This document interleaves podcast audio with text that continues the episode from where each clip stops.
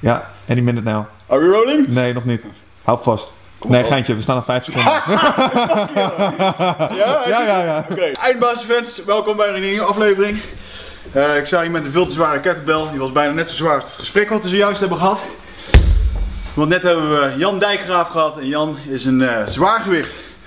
eh mediabekendheid. Hij is onder andere hoofdredacteur geweest van het dagblad De Metro. En heeft heel veel gewerkt, ook voor Panorama, Pownet, allemaal. Ik ben helemaal buiten adem al van die fucking kettlebell. Anyway, ehm, die kettlebell en een hele hoop eh, andere spullen, die kan je onder andere kopen bij... Ah, dit was kut. Oké, deel 2. Ik ben weer op adem, dus ik kan weer een normaal gesprek voeren. Of een normaal intro doen, moet ik zeggen. We hebben dus eh, Jan Dijkgraaf in de studio gehad. En echt wel een, eh, een powerhouse in zijn gebied. Ehm, hij is onder andere hoofdredacteur geweest van de Metro. Ehm, en hij heeft ook echt allemaal meegemaakt dat vroeger de papieren krant op een gegeven moment naar de dagbladen zoals de Metro ging, de gratis bladen. En vervolgens naar het online gebeuren. Eh, dus daar is hij eh, eh, behoorlijk van op de hoogte. Heeft daar een hoop in meegemaakt. Van rechtszaken tot en met, ja, hij wordt ook aangenomen bij bedrijven waar hij er zomaar de helft letterlijk uitflikkert. En ook met dat taalgebruik zat hij bij ons in de podcast. En ik vond hem heerlijk directe kerel. Ehm, ik zou niet graag voor hem willen werken, misschien ook vanwege die, eh, eh, die reden. Eh, maar anderzijds denk ik wel dat hij een hele hoop kennis in zich had en dat het echt wel een, ja, een, een hoop wijsheden met, met zich meebracht. Dus die kan je zo meteen beluisteren in de podcast. Onze podcast wordt mede mogelijk gemaakt door Nutrofit. Kijk ervoor op nutrofit.nl en dan kun je alles bestellen omtrent gezondheid, van magnesium tot en met nootropica. Dingen waarbij je beter in je creatieve flow komt. En alles is daarbij natuurlijk zonder kunstmatige toevoegingen. Vind je het niks, stuur je terug, krijg je geld terug. Want dat is eh, de voorwaarde van onze money back guarantee. We willen dat iedereen daarbij tevreden is. Daarnaast wil ik jullie vragen om op easier.com te kijken. En als jullie naar onze podcast luisteren, eh, zouden we het super tof vinden als jullie dat willen laten zien door middel van sociale media. Post erbij iets met hashtag eindbazen en dan komt het bij ons op de website. En eh, mocht je bijvoorbeeld een keer een evenement organiseren of bij jullie binnen op een bedrijf op een mooi scherm de social media voorbij willen laten komen op een toffe manier, dan kan dat met onze sponsor easier.com. Thanks for listening en eh, veel plezier met deze podcast. Deze podcast wordt gesponsord door Nutrofit, leverancier van supplementen en trainingsmaterialen die je helpen bij het verkrijgen van Total Human Optimization. Tevens wordt deze podcast mogelijk gemaakt door Easier. Toon social media content over jouw merk op displays en websites.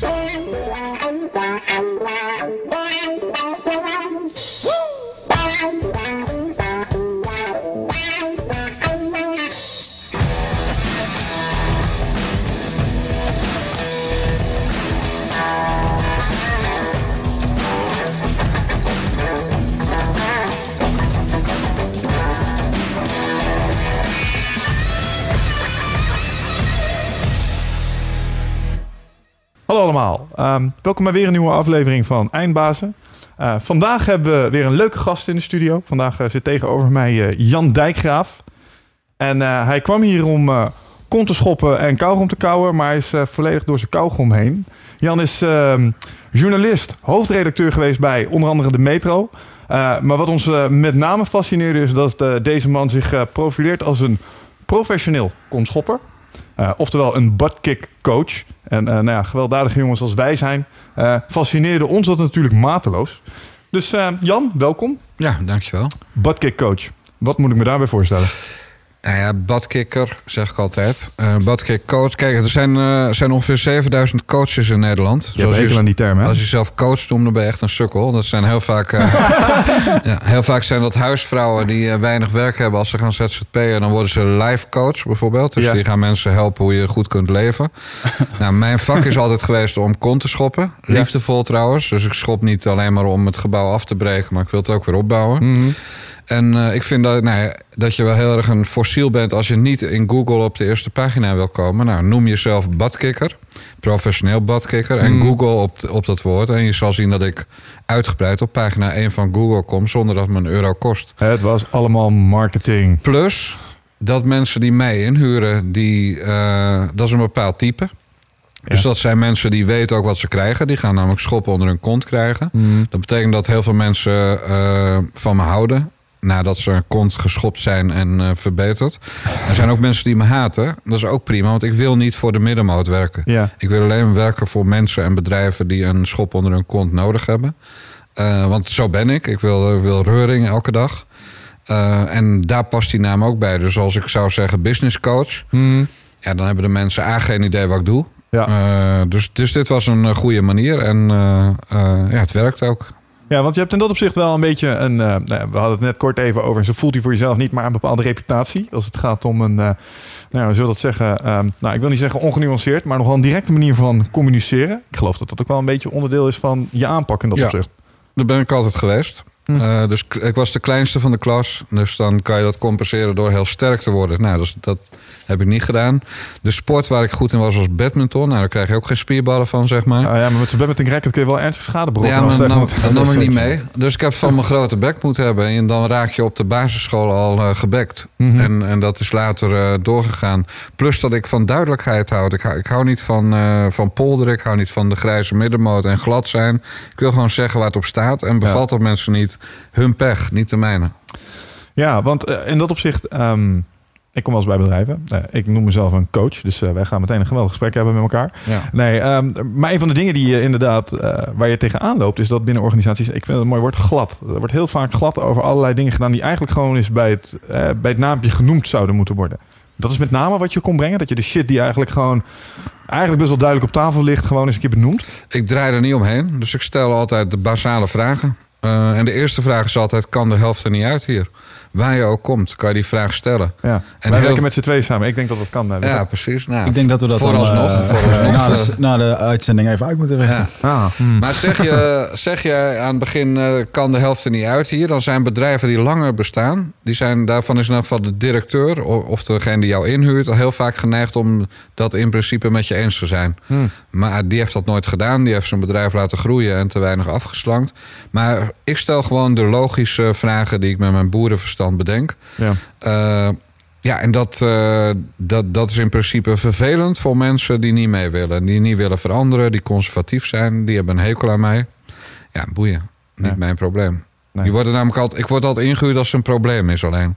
ja, vaak als Ja. de ellende al... eh, Ja, dat is toch leuk? Dan, dan kom je en dan in een paar maanden tijd verbeter je de boel en dan mag je weer gaan. Ja, ik vind het heerlijk. Ja, dat begrijp Die ik. dat men jou eh, hufter van beroep noemt. Ja. dat zijn de bijnamen die professioneel hufter zijn. Hufter van beroep, ja, dat, eh, dat is wel eens geschreven door eh, Adriaan Jeggi. Dat is een dichter. Ja. Eh, die is ook overleden.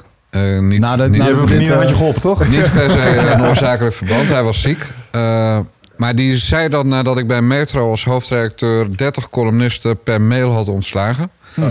Eh, Dat is een redelijk lompe actie. nee, dat was niet. Want ik zat daar een half jaar. En die mensen eh, die hadden een half jaar lang alleen per mail met mij gecommuniceerd. Dus ze hadden nooit de moeite genomen met... God, er zit een nieuwe hoofdredacteur. Ga, ik- ga ik daar eens koffie drinken of niet? Nou, Aha. dat is prima. Dat ze dat deden. En ik had het ook hartstikke druk. Dus eh, daar kon ik goed mee leven. Maar ik stond toen voor de keuze van... ga ik nu 30 mensen uitnodigen en vragen... wil je koffie, wil je thee, moet er suiker in... wil je melk, wil je er honing in? Ja. Nou, ga zitten, ik schop je eruit. En dat, daar zaten ook mensen bij die eens per maand eens een, een column tikten. Ja. Eh, dus dat dan 30 keer. Laat je mensen misschien hoopvol of zenuwachtig naar Amsterdam komen. eh, Of eh, ze slapen slecht vanwege die reputatie van mij. En dan schop je ze eruit. Ja. Dat vind ik bijna pijnlijker dan zeggen... joh, we hadden nu een half jaar lang per mail contact. Ik heb besloten dat we van Ja. jou... En bovendien, het waren freelancers. Maar die Jeggi, die, die, die, had dan, ja, die zat in de Amsterdamse scene. En daar zaten één of twee columnisten bij die boos waren... die ook in de Amsterdamse scene zaten. En daar, Mhm. hij liet zich voor hun karretje spannen. Ja, moet hij weten. Maar hufte van beroep, weet je... als ik wegga, overal waar ik gewerkt heb... zeggen ze altijd, het viel wel mee. Mhm. En als je binnenkomt als god, als een toffe peer... dan zullen ze heel vaak zeggen, Ja. dat viel een beetje tegen. Nou, misschien is het ook niet zozeer... eh, want, want een hufter is natuurlijk ook gewoon iemand die onbeschoft is. En enige mate van directheid eh, kan natuurlijk noodkwaad. En de moeilijke vragen stellen is volgens mij juist iets wat heel bewonderenswaardig is. Je hebt het over een aantal van de basisvragen op het moment dat je ergens binnenkomt. Stel, je komt een eh, toko als... eh nou, Wicht en ik hebben samen bedrijf, je komt binnenlopen. Wat zijn dan echt een aantal van die basisvragen waarmee je het mensen echt even lastig maakt? De eerste vraag tegenwoordig, hè, dus dat is iets van de laatste paar jaren... is eh, waar verdien je geld mee? Dus als je, je kan in Dauphine in Amsterdam gaan zitten in de, in de tijd van crisis. Hè, daar zat ik ook heel veel. En dan gewoon je oren openzetten. Ik heb grote oren. Dus dan hoor je daar een businessplan gepresenteerd worden. En daar een businessplan gepresenteerd worden. En uiteindelijk was iedereen op zoek naar geld. Uh, maar Ja, op het moment dat je dan aan mensen vraagt... ja, hartstikke leuk plan wat je hebt... maar hoe ga je geld verdienen? Of de vraag, Hartstikke leuk, maar waarom is dit nou bijzonder? Mhm. Wat gebeurt er als jouw idee niet wordt uitgevoerd? Dus het, het is eigenlijk gewoon zeiken en zuigen en zeuren bij mensen met die met een verhaal komen en proberen er gaten in te schieten. Ja. Het is wel eens liefdevol tegen me gezegd dat ik aan management bij speldenprik deed. Dus ik ben de hele tijd met spelden aan het prikken om te kijken of een ballon kapot gaat of niet. Ja. Nou, als die ballon stevig genoeg is, gaat hij niet kapot. Maar als je, neem het voorbeeld van iemand heeft een nieuw plan. Die gaat het met zijn vriendjes bespreken. Eh, want zo gaat het dan. Hè? Je gaat niet naar je vijanden om te vragen of je een goed plan hebt, maar naar je vriendjes. Iedereen gaat jou vertellen dat je een briljant plan hebt bedacht. En een heel klein beetje kritiek komt er wel. Maar niemand zegt, joh, hartstikke eh, prima verhaal. Maar gaat dit ooit wat geld opleveren? Ja, of gaat het een alleen maar geld verbranden? Ja, en een kut idee zullen ze helemaal niet zeggen. Nee. Dus je hebt een buitenstaander nodig die echt kritisch durft te zijn. En die gewoon eerlijk durft te zeggen met wat een lulverhaal. Mhm. Nou, die rol die heb ik heel vaak. En, eh, en, en daar ben ik ook goed in. En dat doe ik echt niet om mensen af te zeiken. Maar eigenlijk doe je dat om mensen te behoeden voor eh, fouten. Jij bent eigenlijk gewoon de directie voor de directie. Hebt- Hmm. Waar men met een checklijstje moet komen om... eh, te Ja, zo kan je het ook zeggen. Ja. Ja. Ja, maar soms heb je dat soort eh, outside. je hebt natuurlijk altijd een. eh, Zo'n outside perspectief heb je soms nodig. Want je krijgt natuurlijk ook op een gegeven moment. Je gaat je blind staren. Hè? Die designersvooroordeel. Op een gegeven moment. Jij kan je eigen werk niet meer inschatten op waarde. Want je zit er zo tot over je oren in. En ik denk dat een goed idee. ehm, ja, het, is, het lijkt misschien wel een beetje op trainen voor een, eh, een, een vechtsportpartijtje. Als, Ja. jij, eh, als jij goed bent, dan kun je, wel tegen een, eh, kun je wel tegen een paar stootjes en trappen. En als je idee goed is, dan zal het dit ook moeten kunnen weerstaan, denk ik. Nee, dat, dat, eh, daar heb je zeker gelijk in. Eh, en ja, ik denk ook dat eh, het is ook vervelend om onaardig tegen mensen te zijn. Dat vinden althans de meeste Nederlanders. Die willen, de meeste mensen willen gewoon pleasen. Ja. Dus als jij, als jij, wij kennen elkaar niet. En als jij dan tegen mij zegt, joh, ik wil eens een plannetje aan je voorleggen. Waar, wie ben ik om te zeggen, wat een fuck, wat een, wat een kutplan. Dat, dat doe je Mhm. niet. Want waarom zou je? Ik heb niks tegen je, we hebben geen ruzie gehad. Dus ik laat me gewoon inhuren om die rol te spelen. En bij bedrijven gaat het soms vaak om heel grote investeringen. Er zijn dingen, ik, ik noem een paper van de Volkskrant. Ja. Daar kan je, of van, van eh, de persgroep. Daar kan je van tevoren met je gezonde boerenverstand kan je bedenken dat gaat nooit wat worden. Nooit. Maar wat gebeurt daar? Er zit een hoofdredacteur van het Parool, Barbara van Beukering. Nou, die zit er al zo lang en die is niet zo heel goed. Die moet maar eens weg. Die bedenkt een projectje. Ze zien het beetje succes van Blendel. Dus ze denken, wij moeten iets met onze eigen content. We moeten eh, iets bedenken.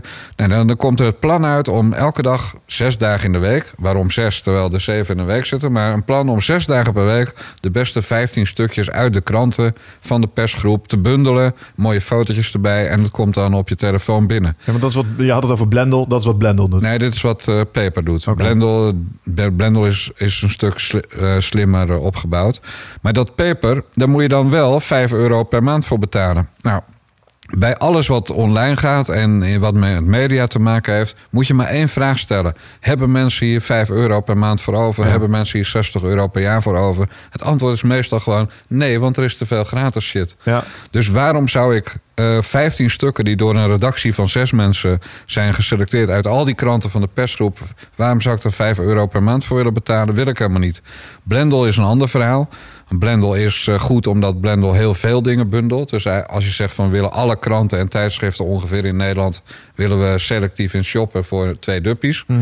Nou, dat idee is in de basis goed.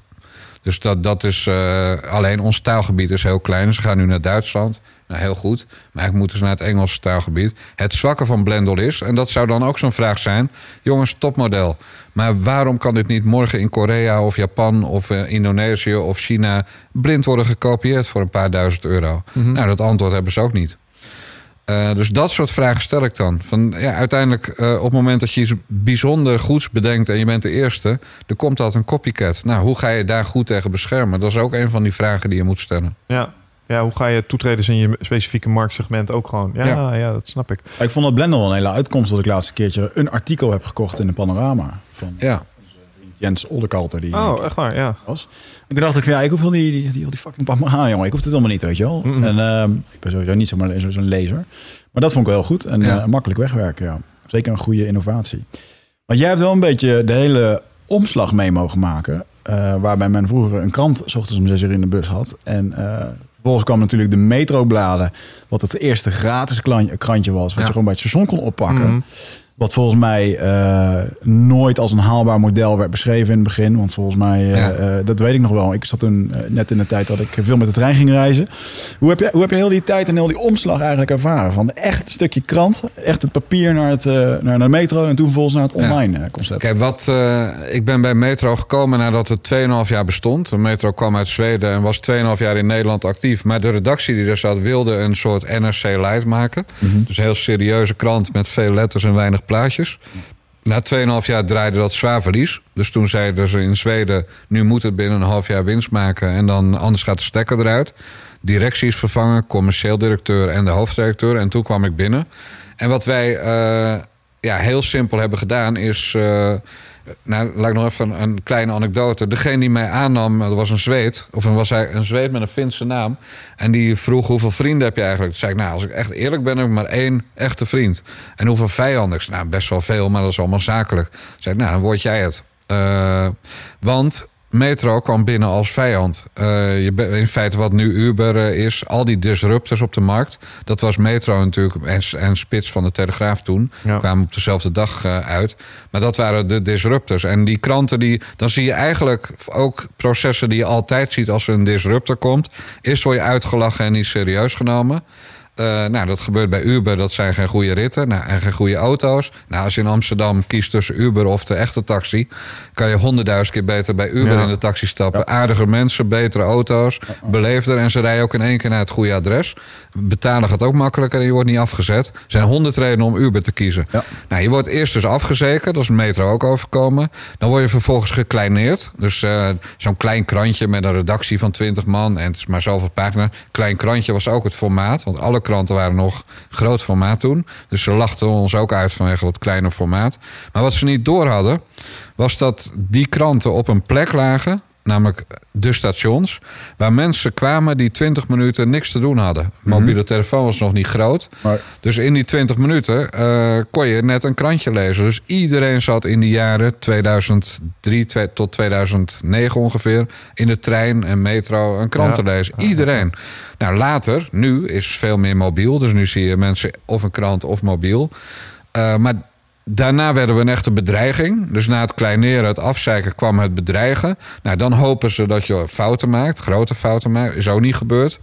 Eh, en dan vervolgens gaan ze eindelijk doen wat ze eerder hadden moeten doen. En dat is met name dan eh, weer eh, wat nu de persgroep is en toen PCM. We gaan het zelf ook doen. En toen kwamen ze met Dag. Dat was een, ja, een, een heel raar krantje met foto's met van die geel, gele markeerstift-achtige blokken tekst eronder. Nou, dat heeft nog geen drie maanden bestaan. En waarom niet? Zulke mensen, van die conservatievelingen, die kunnen helemaal geen krant voor jongeren maken. Nou, wij, wij lagen op de goede plek. 100%. Maar wat ook nog heel belangrijk was, het kostte 0 euro. En ik zei toen als hoofdredacteur altijd... als je voor Metro en Spits één dubbeltje vraagt... dan koopt ook niemand hem. Een heel klein deel, maar nooit meer het bereik wat we toen hadden. Dus nu nog is Metro, dat is nog de enige krant die over is... 1,2 miljoen lezers per dag. Ja. ja, er is buiten de Telegraaf geen krant die dat haalt. Ja, en dat is... Het is heerlijk om bij zo'n uitdager, want dat waren we toen, te werken. En die cijfers van die traditionele kranten, die, ja, die gingen echt keihard onderuit. Dus ik rekende toen uit, dan moest ik bij, in België bij de persgroep komen van hoe doen jullie dat nou? Ze vonden ook die, ons dieven, want we hadden best wel veel ANP. Maar hoe doen jullie dat nou? En dan liet ik zo'n PowerPoint zien met, nou, als jullie bij de Volkskrant zo doorgaan, dan is in 2027 de oplage van de Volkskrant nul. Leg dat, leg dat ene stukje even uit. Ze vonden jullie dieven, want jullie hadden best wel veel ANP. Ik kom niet uit de traditionele, Ja. dus ik weet niet zo goed wat Nou, dit dat is eigenlijk eh, het rondpompen van content wat je op internet constant ziet. Dus Ja. nu.nl bestaat ook voor een groot deel uit ANP. Als je mensen nou zwart wil maken, zeg je nu.nl en vroeger dus Metro is uitsluitend ANP-nieuws. Mhm. Nou, dat wordt door een nieuwsdienst geleverd voor relatief weinig geld. Goedkoper dan eigen Oh, mensen. zo, ja, ja, ja. Dus in die zin vonden ze ons dieven. Ze zeiden ook, als, als wij er niet waren... dan zouden jullie geen eh, ideeën voor verhalen hebben. Nou, die arrogantie zat erin. Maar een, voor een deel is dat zo. Want als je nu kijkt naar alles op internet... je inspiratie haal je natuurlijk ook nog altijd voor een deel uit kranten... radio en tv. Mhm. Dus we gebruiken ze. Maar als die er niet meer zouden zijn... dan halen we het van Twitter, wat we natuurlijk ook doen... of, of van andere social media. Maar het is, eh, het is voor mij de, zakelijk gezien wel het hoogtepunt van mijn loopbaan geweest. Eh, en qua bekendheid, in, als het om mezelf gaat... Ja, ik was de hoofdredacteur toen Van Gogh werd vermoord. Mhm. Dat was onze columnist toen. Ja. Eh, toen heb ik een jaar lang die plek wit gehouden. Eigenlijk om onze moslimvrienden te laten zien van fuck you. We laten Theo van Gogh in de krant, maar dan zonder woorden. Eh, dat was wel het moment dat Metro opeens echt in beeld kwam. Dus je was in de media al be- best bekend. Maar toen waren opeens de krant waarvan de columnist werd vermoord. Eh, en ja, dat, dat heeft wel gezorgd voor een... eh, ja, dat we eindelijk echt definitief serieus werden genomen in dat segment. Mag ik daar een... ehm, Weet je nog wat, wat het laatste gesprek is geweest tussen jou en Theo? Niet precies. Maar, eh, want hij kwam gewoon elke week langs met een Albert Heijn tas en een floppy. Eh, want hij kon niet mailen. Klinkt, ja, klinkt als. Theo. Ja, dus... eh, en dan kwam, en toen rookten we nog in de kantine. Dus ging, en ik rookte ook nog. Ze gingen samen een sigaretje roken. En kijk, ik weet wel dat ik een week nadat hij dood was... stond een afspraak in de agenda om te gaan eten. Ja. Dus dat is niet doorgegaan. Maar ik was ook zeker niet de laatste die hem gesproken heeft. Dus eh ik Nee, was ook oké. een vriend van Theo. Het was Ah, gewoon eh, mijn ja. beste columnist. In de zin van Reuring. Ja. Ja, maar hij kwam gewoon elke week langs me op de fiets... met zijn Albert Heijn tasje en zijn floppy. En eh dan ging hij rookte een sigaretje. Ja. Maar het was niet diep inhoudelijk eh, Nee, dat ik nog weet van... oh, dat ging eh, de laatste keer daarover. Nee. Hoe was dat? eh, ja, sorry. Mag ik daar nog even, even één verder op terug? Want jij zei net, ehm, in Zweden was het metro was al een succes. En toen is het naar Nederland gegaan, heeft twee jaar verlies geleden. Maar eh, in Zweden was het al een succes. Ehm, is het nou zo dat er per land echt een ander krantconcept moet zijn om succesvol te zijn? Want waarom hebben ze het Zweedse concept niet in Nederland? Was het in, eh, in Zweden ook al zo'n moeilijke, was- eh, leesbare krant? Metro is altijd heel, juist heel simpel geweest. Ja. Metro was juist een internationaal concept. We hadden Mhm. overal dezelfde, hetzelfde formaat papier, hetzelfde formaat kolombreedte. Want het zakelijke idee was erachter dat we alle wereldwijde adverteerders... Dat, op een gegeven moment was zelfs in 17 landen... Het idee was dat wereldwijde adverteerders allemaal in metro gingen. Nou, dan kon je natuurlijk met je tarieven hele mooie dingen doen... en ook serieus geld verdienen. Dus het was een één basisconcept voor alle landen... waar je een beetje landelijk of nationaal op, eh, op modificeerde. Ja. Maar in principe zagen ze er allemaal hetzelfde uit. Dus in Nederland hebben ze dat, dat stukje modificeren hebben ze wel echt verpest in het begin. In het begin deden ze dat niet. Dus in het begin maakten die Nederlanders veel meer een eigen krant. Ja. Ja, en dat gebeurde gewoon op de manier zoals ouderwetse kranten worden gemaakt. Met elke dag twee redactievergaderingen. Met mensen die zichzelf veel te serieus namen. Die naar de scanner luisterden, bij wijze van spreken. Uh, gewoon fossielen. Ja. ja, en die zijn ook bijna allemaal weggegaan uh, voor ik kwam of toen ik kwam. Want daar viel gewoon geen. Als je zei van wij gaan nu een autopagina beginnen. Want uh, onze sales wil graag uh, autoadverteerders. Ja, dan ben je als, als een soort melaatse behandeld. Terwijl dat voor mij, ik kwam uit de tijdschriftenhoek. Ja, niet meer dan normaal. Dat alles wat en voor lezers en voor adverteerders interessant was, dat, kwam, dat kwam erin. Ja, ja dat, dat vond ik een ABC'tje. Maar die redactie wilde echt nog de wereld verbeteren. Dat was gewoon uh, Volkskrant, NRC. Uh... Je hebt toen ook via de scanner gezegd... degene die nu zit te luisteren, die is ontslagen. Deze is gewoon klaar, ja. ja Leer internetten. Weet je wat echt de voordeel van Metro was? Metro bestond toen ik er uh, zat vier jaar, bijvoorbeeld. Nou, toen kon je als, je, als je voor iemand af wilde, kostte dat dus vier maanden salarissen maximaal. Want terwijl als je bij een groot oud bedrijf zit, mensen soms 30 jaar in dienst zijn. En dan kregen ze tot voor kort 30 maanden salarissen mee en al, misschien wel meer. Dus het was onbetaalbaar om mensen weg te sturen. Maar als wij bij Metro iemand zat waren, zeiden we: Nou, zullen we een vaststellingsovereenkomst tekenen? Je hebt hier drie jaar gewerkt, je krijgt vier maanden mee. De groeten.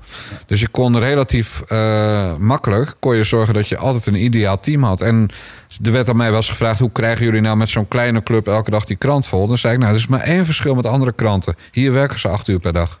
Ja. En dat was ook zo. Daar werkten ze gewoon acht uur per dag. Terwijl bij de meeste kranten.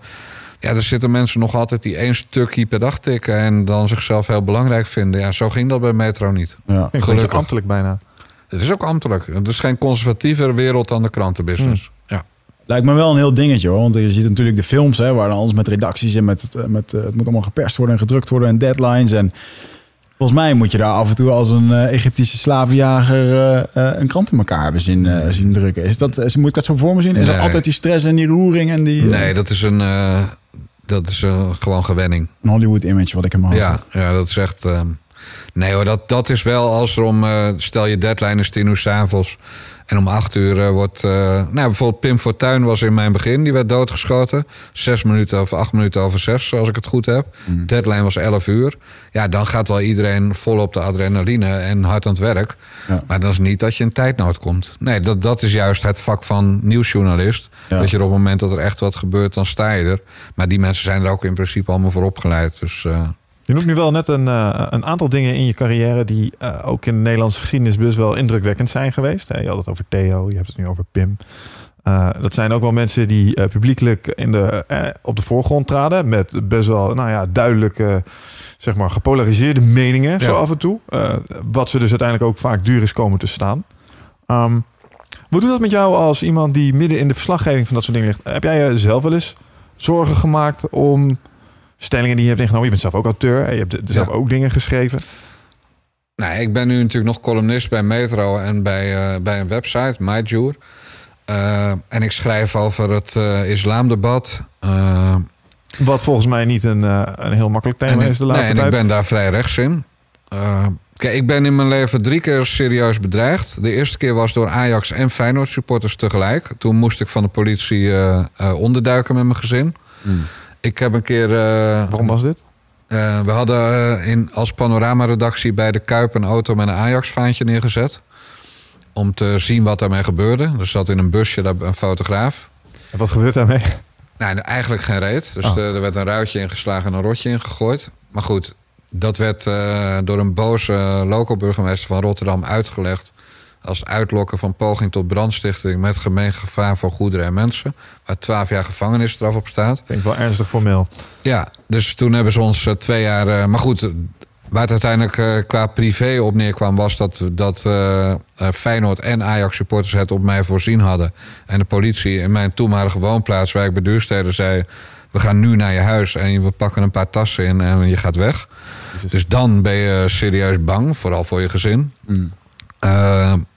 Dan de tweede keer was met eh, de moord op Van Gogh. Toen eh, werden wij, eh, dat was nog de tijd dat Donner verantwoordelijk was voor justitie. Toen werden wij echt ook serieus als redactie bedreigd. En toen zei de, de politie deed niks. Nou, en dan zie je ook dat Metro International zich ermee gaat bemoeien. En die hadden ja, bijvoorbeeld eh, hele goede contacten in Israël. En kwamen allemaal met adviseurs uit Israël hoe we daarmee om moesten gaan. Nou, daar word je ook niet vrolijk van. adviseurs, adviseurs van die gasten met oordopjes in, adviseurs of gewoon echt mensen die beveiligheidsexperts Mensen waren? die heel veel kennis hadden van beveiliging en, eh, en zo. Dus wij werden toen ook wel een beetje getraind in hoe je moest opstellen. Nou, dan, en op zich was ik daar niet bang voor. Maar we hadden bijvoorbeeld op de redactie heel veel vrouwen. We, we zaten in Amsterdam-West, Lelylaan.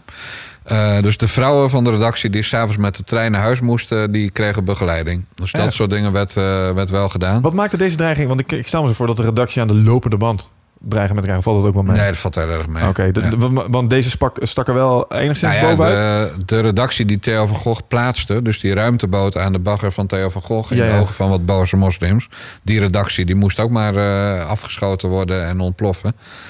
De politie nam dat ook volstrekt niet serieus, maar ze namen de bedreiging van Theo ook nooit serieus en hij zelf ook niet echt. Want hij zei telkens, ja, ik ben maar de dorpsgek. Nou, dat heeft hij dan verkeerd ingeschat. Eh, maar dat was wel een periode dat het dan zakelijk echt bedreigend werd. En één keer heb ik nog een column geschreven over Lazovic, een voetballer van PSV.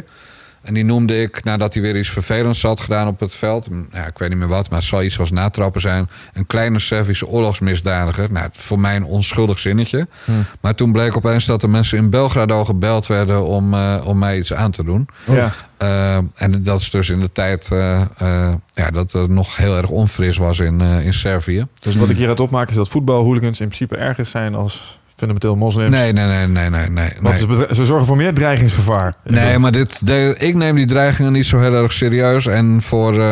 Kijk, de moorden die zijn geweest in Nederland. Dus dat, de eerste is door een dierenactivist. Hm.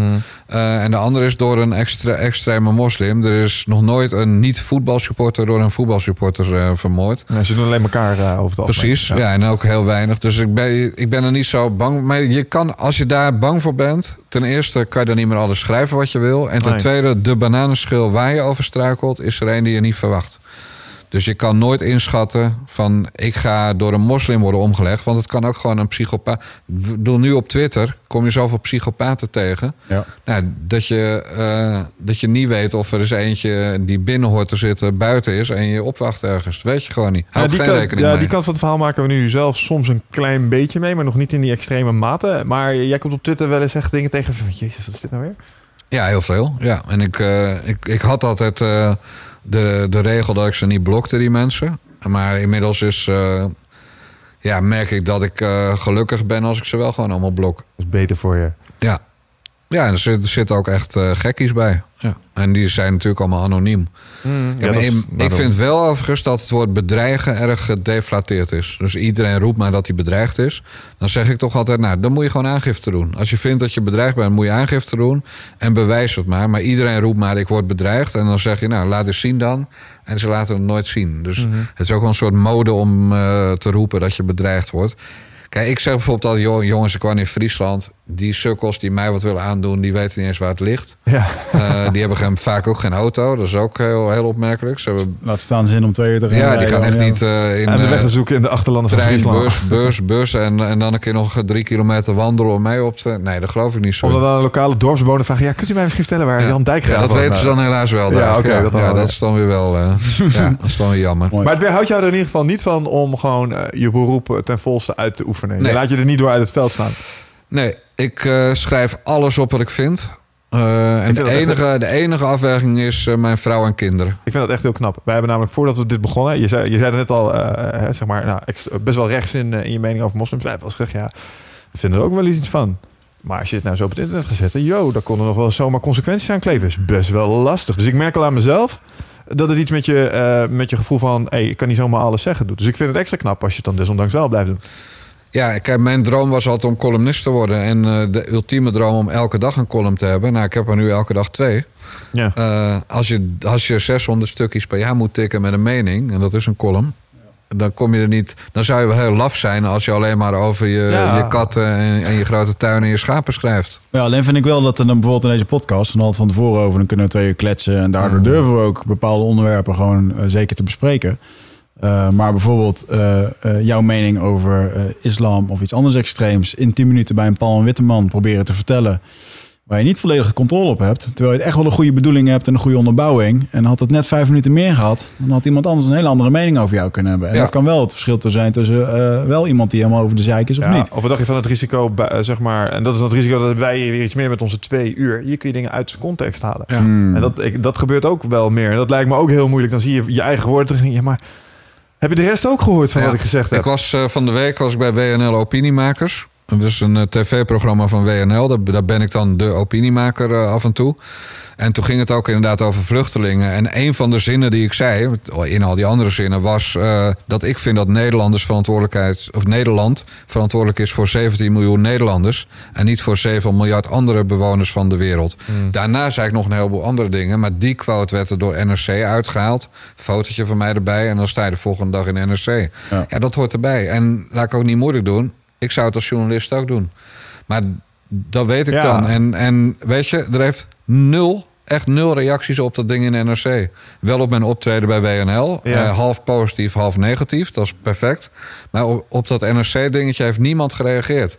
Zo relevant is NRC Handelsblad nog. Ja, dat is Terwijl je- Maar desondanks, wat, wat mij dan zou storen, is dat er wel een dude zit met de intentie om een stukje sensatie te maken. Ja, of misschien zelfs wel om mij te naaien. Ja, maar maar en- dat maakt wat ik- niet uit. Wat ik ook heb gezien is een, eh, ehm, en dan moet ik even zorgen dat dat eh, juist is, maar ik heb begrepen dat je zelf eens een keer zoiets hebt, eh, letterlijk hebt gezegd van je kan allerlei dingen omheen verzinnen, maar dat we het publiek willen informeren en zo, maar het gaat ons, net als alle andere uitgevers, gewoon om geld verdienen.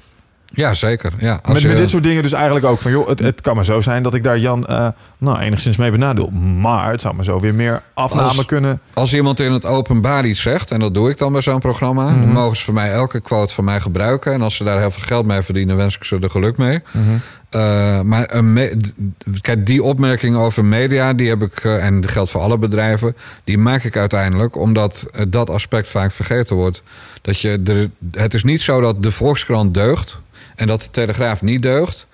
Eh, dat, eh, en die suggestie hangt heel erg tussen, zeg maar, je hebt het onderscheid tussen goed volk, mensen die deugen, Hmm. mensen die niet deugen.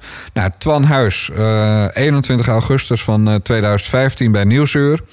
Eh, dat in Duitsland zijn mensen die met open armen staan te wachten op eh, asielzoekers. Mhm. En er zijn mensen die, eh, die ze met gestrekte rechterarm opwachten. Nou, dat is dan wat Twan Huis. Dat is toch een man die bij de, zeg maar, de objectieve omroep NTR werkt. Eh, die ook Holleder eh, in College Tour ontvangt. Dus zo netjes is die ook niet met alles. Maar die zegt zoiets. Ja, de nuance is natuurlijk dat verstandige mensen ergens tussen die open armen en die gestrekte armen in zitten. Nou, dat soort dingen, dat, dat is framing. En dat, daar gaan mensen dan in mee. Maar NTR, waar Twan Huis werkt, heeft Holleder niet in college tour om studenten een vak te leren. Want ik neem aan dat de keurige NTR die van onze belastingcenten wordt betaald, Mhm. niet wil dat, dat alle studentjes crimineel worden. Nee, die hebben Holleder daar zitten voor de kijkcijfers. Ja. De Volkskrant wil zoveel mogelijk krantjes verkopen. Dus hoe goed de Bert Wagendorp in de Volkskrant ook het goed, mensenverhaal, het goed volkverhaal vertelt. Het doel van de Volkskrant is geld verdienen met die krant. En geef dat gewoon toe, dan heb je met mij geen gezeur. Maar ga je doen alsof jij er bent. En dat zijn altijd linkse mensen. Wij zijn er om de wereld te verbeteren. En dat tuig van de Telegraaf dat wil geld verdienen. Nee, A wil dat tuig van de Telegraaf net zo goed de wereld verbeteren. Ben ik van overtuigd. Alleen ze hebben een ander wereldbeeld. Zij vinden niet dat de, de staat alles moet betalen bijvoorbeeld. Maar uiteindelijk, niemand... de- je komt toch geen mens tegen dat zegt... ik wil dat het morgen slechter gaat op de wereld. Ook Wilders niet. Nee, dat is waar. Nou ja, het punt waar ik een beetje heen, eh, eh, heen wil daarmee is dat ehm, je bent zelfs ook wel eens eh, het slachtoffer geweest van sommige dingen die dan in, nou ja, de, in de media gebeuren. Want op het moment dat je je kop boven het maaisveld uitsteekt, ben je ook een soort van doelwit. Ja. Hè, er zijn natuurlijk wel wat dingen geweest met nou ja, Femke Halsema, die destijds op een bepaalde manier is neergezet. Vuilnis dat doorzocht is op een gegeven moment. En Wicht en ik hadden het daar een beetje over. Zo van, joh, mocht dit ooit het formaat krijgen dat dat soort dingen bij ons aan de orde zouden zijn. En we treffen zo'n meneer op de kop in mijn kliko aan. Laten we er gestrekt buiten. Dat komt niet goed. Ja, het, mooie, het mooie is dat ik er dan niks van voel. Want ik heb, ik heb geen vuilniszak aangeraakt. Ja. Dus dat zou dan een collega van tijdschrift Weekend geweest zijn. Ja, maar gaan- je, het, het gaat om de, eh, de manier waarop zeg Ja, maar weet je, het verschil tussen Femke Halsema en jullie... is dat jullie geen publieke figuren zijn. Ja. Femke Halsema die stopt met heel veel eh, publicitair geweld... stopt ze haar kinderen op een ge- gemengde school. Een gekleurde school in Amsterdam. Mhm. Maar Femke Halsema heeft haar kinderen een paar jaar later... ook weer met dezelfde vaart... maar met veel minder media-aandacht... van die school afgehaald om ze op een witte school te doen. Mhm. Dus Femke Halsema is, zeg maar even in mijn woorden... een hypocriete tante. Femke Halsema rookt niet. Althans niet in beeld. Nou, als we dan een foto hebben van Femke Halsema die rookt... is dat in zekere zin een nieuwsmomentje. Hoe belangrijk het voor de wereld is, mag je over van mening verschillen. Ja, ja. Wat Femke Halsema ons toen verweet was... je laat mijn kinderen in beeld zien. Nou, die waren echt volstrekt onherkenbaar. Ja, ze waren, ze waren blank. Ja, ja, ja. En je kon zien Ze was de- waarschijnlijk gewoon pissig over het feit dat ze met een dat peuk ze in met de een bek peuk stond. in Ja. de bek vlak voor de verkiezingen op zo'n blad stond. Maar je moet natuurlijk dan, als je haar bent, moet je iets eruit kiezen waar de hele wereld van denkt: oh, oh wat een schande van die drie tijdschriften. Het was eh, Weekend, het was eh, Actueel en het was HP de Tijd. Nou, dan heb je die vuilniszakken kwestie. Het is al duizenden keren gebeurd. Door Ja. Propria Cures, door Nieuwe Revue, door Panorama. Die hebben allemaal al eens bij bekende Nederlanders... de eerste ooit was Harry Mulisch... de vuilniszak leeggehaald, foto gemaakt van de inhoud... en in hun blad gezet. Nu gebeurt het in HP de Tijd. Het was een, er was een eh, publiciteitsstop van politici... vlak voor de Tweede Kamerverkiezingen. Die was er omdat in Tripoli dat vliegtuig was neergedonderd. Eh, en die zou op die maandag nadat wij uit waren gekomen met het blad... zou die publiciteitsstop ophouden en woensdag waren verkiezingen. Ik word zondagavond thuis gebeld door Pechtold. Meneer Dijkgraaf, hoe gaan wij dit publicitair aanpakken met die vuilniszak? Wat hadden wij Pechtold gevonden? Helaas, een negatieve zwangerschapstest. Zijn vrouw was niet zwanger. Ja, keepers geluk of keepers pech. Maar natuurlijk gaat heel Nederland er zeggen... schande, nu weet heel Nederland dat Pechtold zijn vrouw misschien zwanger was en het niet is. Ja. Wat verschrikkelijk. Maar als ze gewoon drie pakjes check in hadden gezeten... en, en twee rolletjes van toiletpapier... En, en een, zak, een ding van kaas en brood... was niemand hysterisch geworden. Nou, bij Rauwvoet, die ander... was minister van Jeugd en Gezin. Die wilde zelfs schaamhaar, bij wijze van spreken, lostrekken om DNA-profielen vast te leggen van kinderen. Op die, die manier ging hij de privacy van, van kinderen aantasten. Ik zeg het iets gechargeerd hoor, expres. Mensen moeten maar nazoeken hoe het precies zat.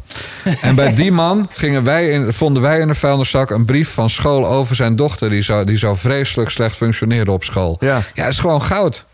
Bedoel, een Ja, maar dan, eh, ga, dan, ga, dan denk ik, zeg maar, stel je nou ervoor, ik ben dan eh, geen publiek figuur, eh, figuur, gelukkig blijkbaar nog dus niet. doen we het bij jou niet. Nee, dat snap ik. Maar, maar desondanks, ehm, kijk, in een hypocriet geval zoals bij mevrouw Halsma, kan me nog iets bij voorstellen dat je denkt van ja, maar deze zat er even aan te komen.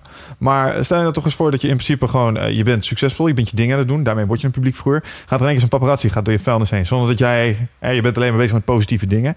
Ik denk dan, gast, bemoei je alsjeblieft met je eigen zaken. Je hebt hier gewoon echt helemaal niks zoeken. Nou, plus het feit van dat, eh, dat je vrouw niet zwanger kan worden, kan echt een fucking ding zijn. Ja, weet ze je wel? hadden, ze hadden al een paar kinderen, hè, dus het is niet... eh, Nou, maar, ja, Ik maar praat, ik merk dat jij het wel een soort van eh is oké praat, zeg ja. maar. Maar ik zou hier echt Nee, ook maar ik praat, over zeg maar, het journalistieke middel wat daarvoor al door drie, minimaal drie andere media zonder enige gezeik is uitgevoerd.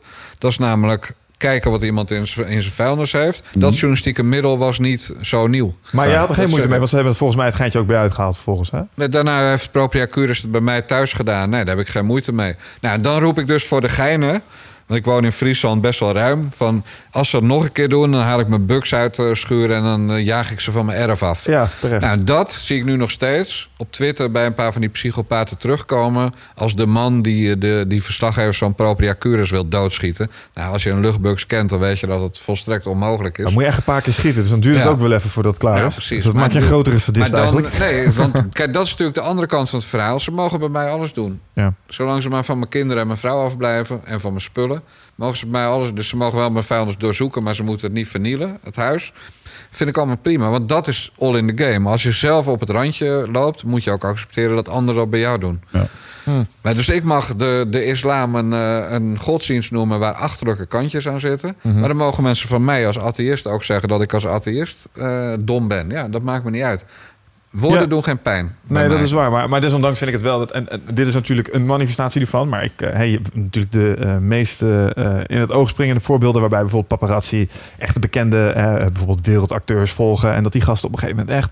Het is een beetje van hetzelfde, hè? Want je bent een publiek figuur. Ze mogen het blijkbaar voor je doen. En mogen, blijkbaar mogen ze voor je huis gaan liggen om je de Nee, godgasten nee, nee, nee, nee, vallen. nee. BN'ers en BW'ers, wereldmensen, die worden uitstekend beschermd door de wet.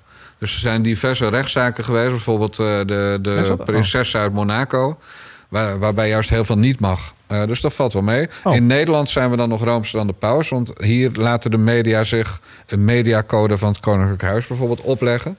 Eh, dus zonder dat er enige wettelijke grond voor is, mag je heel veel dingen niet met die lui van, van Willem-Alexander en zijn gezin.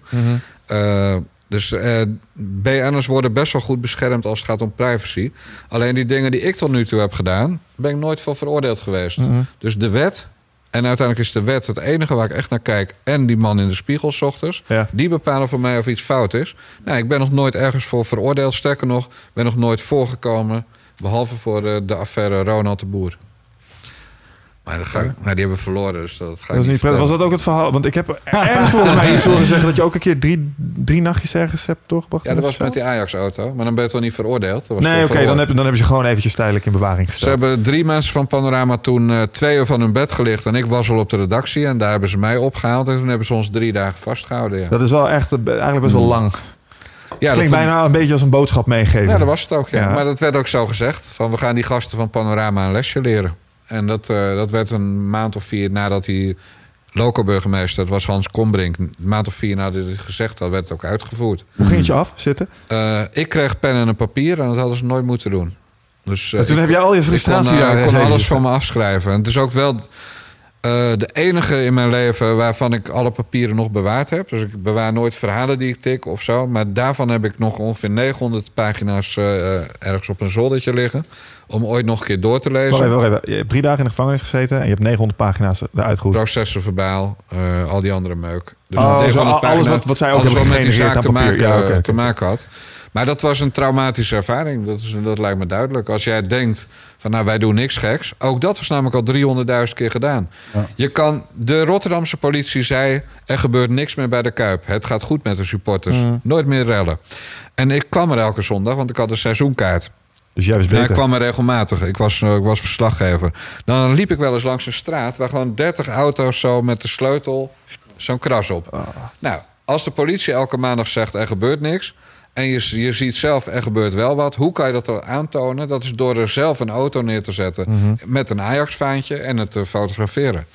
Eh, dus dat is allemaal voor mij in de haak. Wat niet in de haak was, was dat wij, en niet ik, maar een van ons, eh, contact had met een Feyenoord-hooligan. Die zelf die auto vervolgens een ruitje heeft ingeslagen. Omdat hij zei: Goh, ik weet dat die auto van Panorama is. Want aan die man was gevraagd waar hij het best kon staan om de, in de loop van voetbalsupporters.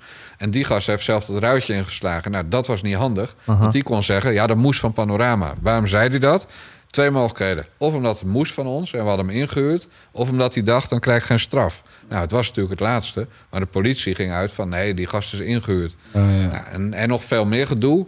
Maar die drie dagen, ja, dat was puur provocatie. En eh, Klinkt bijna als machtsmisbruik, maar net binnen de wettelijke ja, kaders. het mag.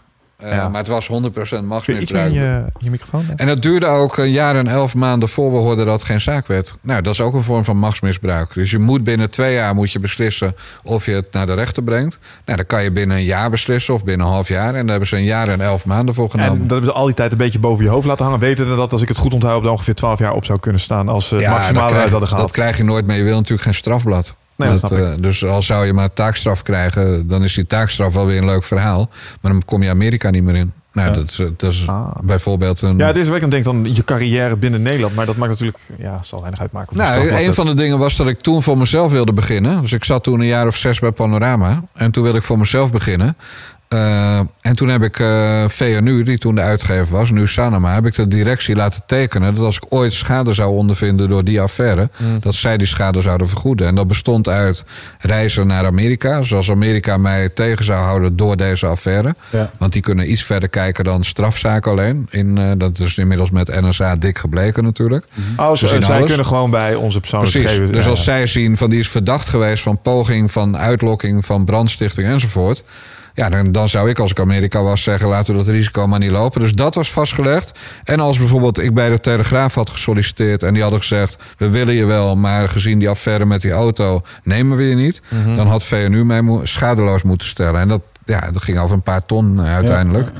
Dus eh, het, is nooit, het is nooit gebeurd. Het enige wat ik altijd gedaan heb daarna was bij sollicitaties. Voor we verder gaan, deze affaire kan je googlen. Want dat is het voordeel van internet. Mhm. Dit ga je tegenkomen. Als je, als je risicoloos een saaie boekhouder als hoofdredacteur wil hebben, ben ik het niet. Moet je dat doen, ja. Het heeft me nooit iets vervelends opgeleverd. Iedereen wilde wel weten hoe het zat. En de meeste mensen vonden het dan wel een stoer verhaal. Want zo Ja. is het ook nog ja, een keer. zo is het ook nog. Nou, als ik het wel hoor, dan ben ik er niet bijster onder de indruk van. Maar heeft het vooral onwijs lang bij jou geduurd voordat hier eh, een klap op werd gegeven dat het eindelijk ook over was en dat je verder kon.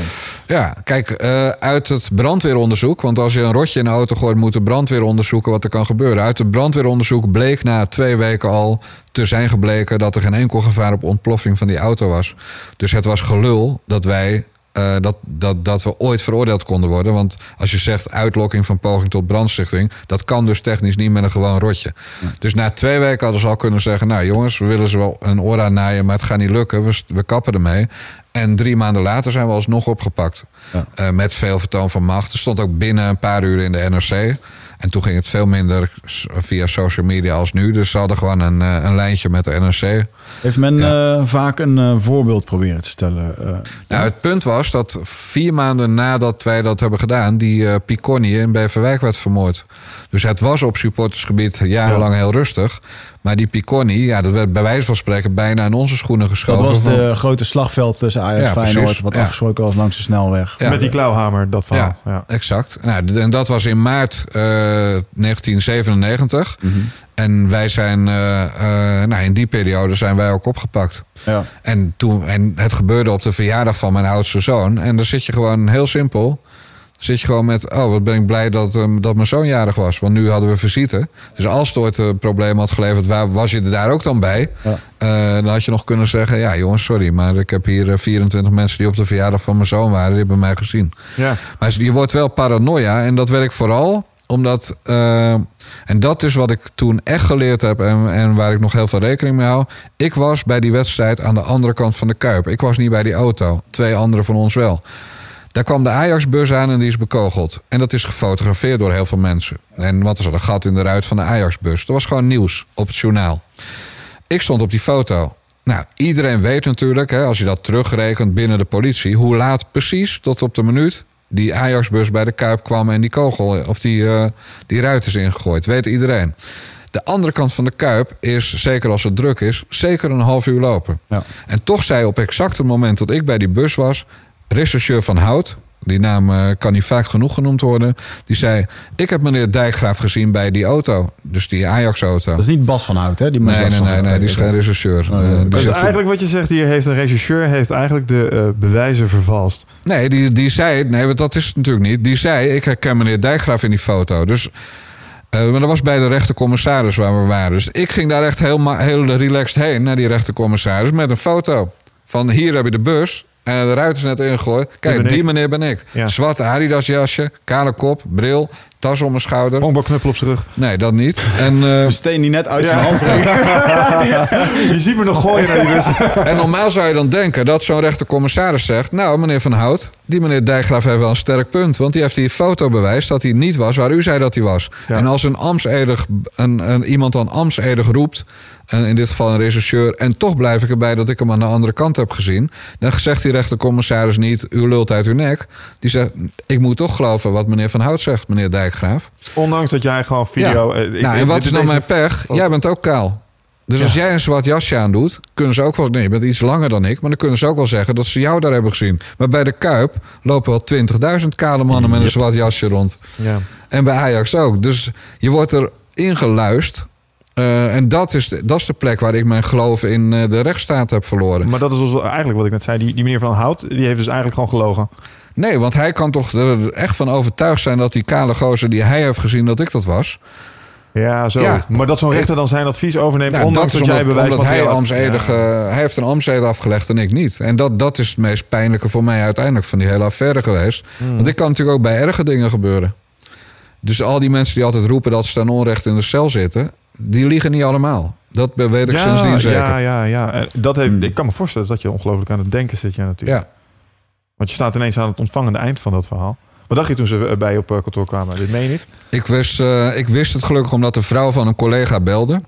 Dus die was van zijn bed gelicht. Ze mogen pas om zes uur komen, s ochtends. Eh, dus die belde mij Was van... het bed eh, ook door het AT toevallig? Of wel nog nou, van, gewoon, eh, gewoon mee? twee mannetjes. Maar niet, meer, niet meer douchen, niet meer praten met je gezin. Gewoon de, full, de, de volledige behandeling kreeg hij. En zijn vrouw belde en toen heb ik onze advocaat via juridische zaken gebeld. En die zei meteen, hou maar rekening met drie dagen. En zei ik, ja Frits, je bent gek. Voor dit, drie dagen, dus Ja. toch in een uur verteld. Nee, ze gaan jullie gewoon even lekker pakken. Dus eh, nou, ik wist het dus. En toen drie dagen dan lang zijn, of niet? Heel lang, ja. ja, ja.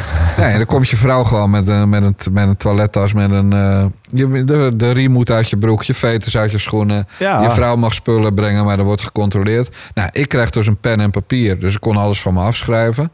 Eh, maar joh, je, je bent bij de hand. Dus de eerste proces verbaal zeggen ze, wilt u even tekenen? Ik zeg, ja, maar zo praat ik helemaal niet, joh.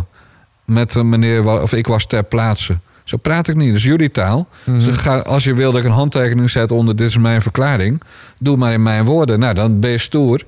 Maar dat werkt niet. Nee, dat gaat niet helpen. Nee, maar ik, ben, ik, heb het wel, ik heb er wel aan vastgehouden. Van, ik ga niet iets verklaren in jullie eh, juridische taal. Doe ik gewoon niet. Hebben ze het uiteindelijk omgeschreven voor je? Dat doen ze, ja, tuurlijk. Ja? Maar ze worden heel boos. Ja, dat kan ik me Ja. voorstellen.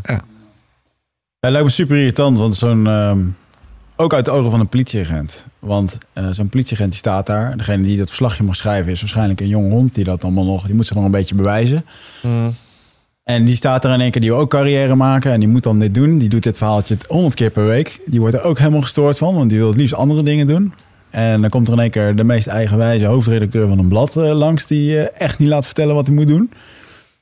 En dan krijg je dus eigenlijk, eigenlijk krijg je best wel wat egootjes tegen elkaar. Die tegen elkaar... eh, eh, ja, en maar- iemand zit ook nog eigenlijk over jouw toekomst te beslissen. Want dat is nog Nou, wat dat doen agenten eh, natuurlijk niet echt, maar dat proberen ze wel. Ja. Dat, dat zit natuurlijk in de juridische formulering. Mm. Maar goed, nee hoor, degene die achter de tralies zit, heeft het kleinste ego op zo'n moment. Daar ga ik niet stoer over doen. Ja.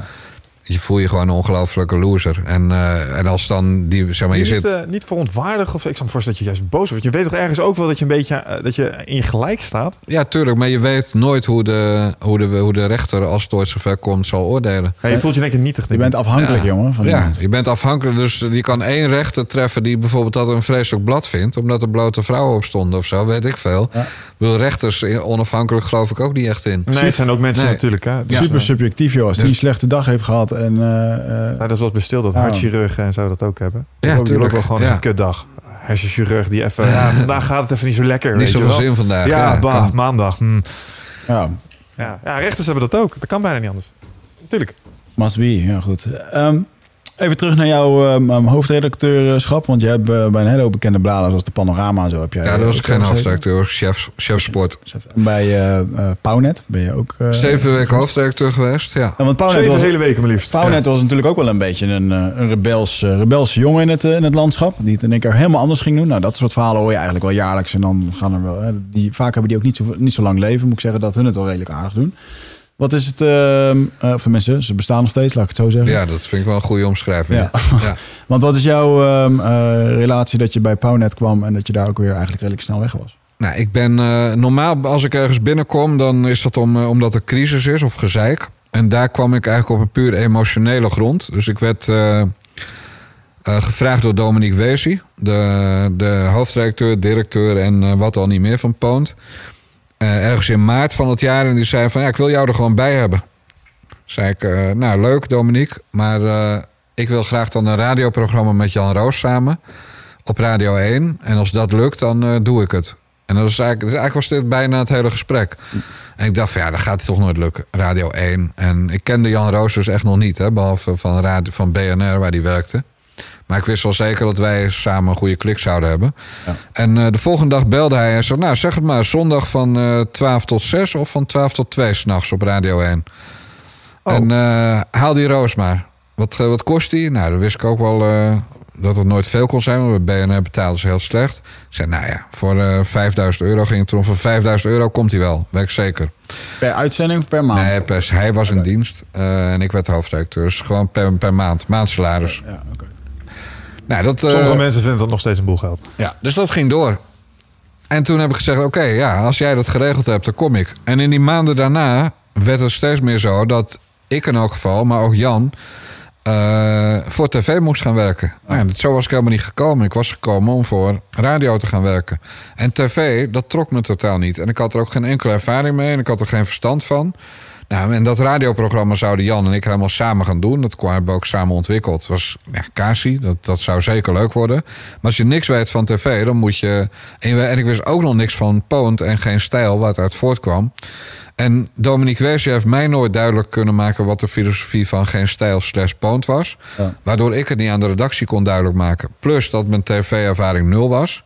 Ehm, en het was door die eh, affaire met dat blad Binnenhof... eh, dus met eh, Halsema en Rauwvoet en Pechtold...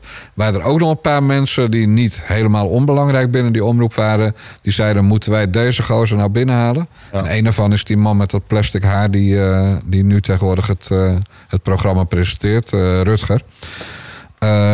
Dus die, die was niet erg voor mijn komst. Dus dan zit je, kom je binnen in een omgeving waar- waarin je eigenlijk alleen maar te verliezen hebt. Ja. Nou, dat had ik eh, binnen zeven weken eh, effectief door. Ik had al eerder door. Ik heb drie keer mijn ontslag aangeboden. En eh, de derde keer was dat met behulp van de dokter gelukt.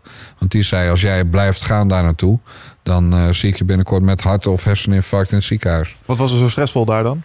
De hele dynamiek als, onderling? Als je ergens anderhalve ton verdient, want zoiets verdiende ik... dan wil je ook waar voor je geld leveren. En ik leverde echt geen ene fuck, behalve dat radioprogramma. Ja. Maar voor die tv was mijn toegevoegde waarde min 10 ongeveer. Dus niet eens 0, maar min 10. Ja.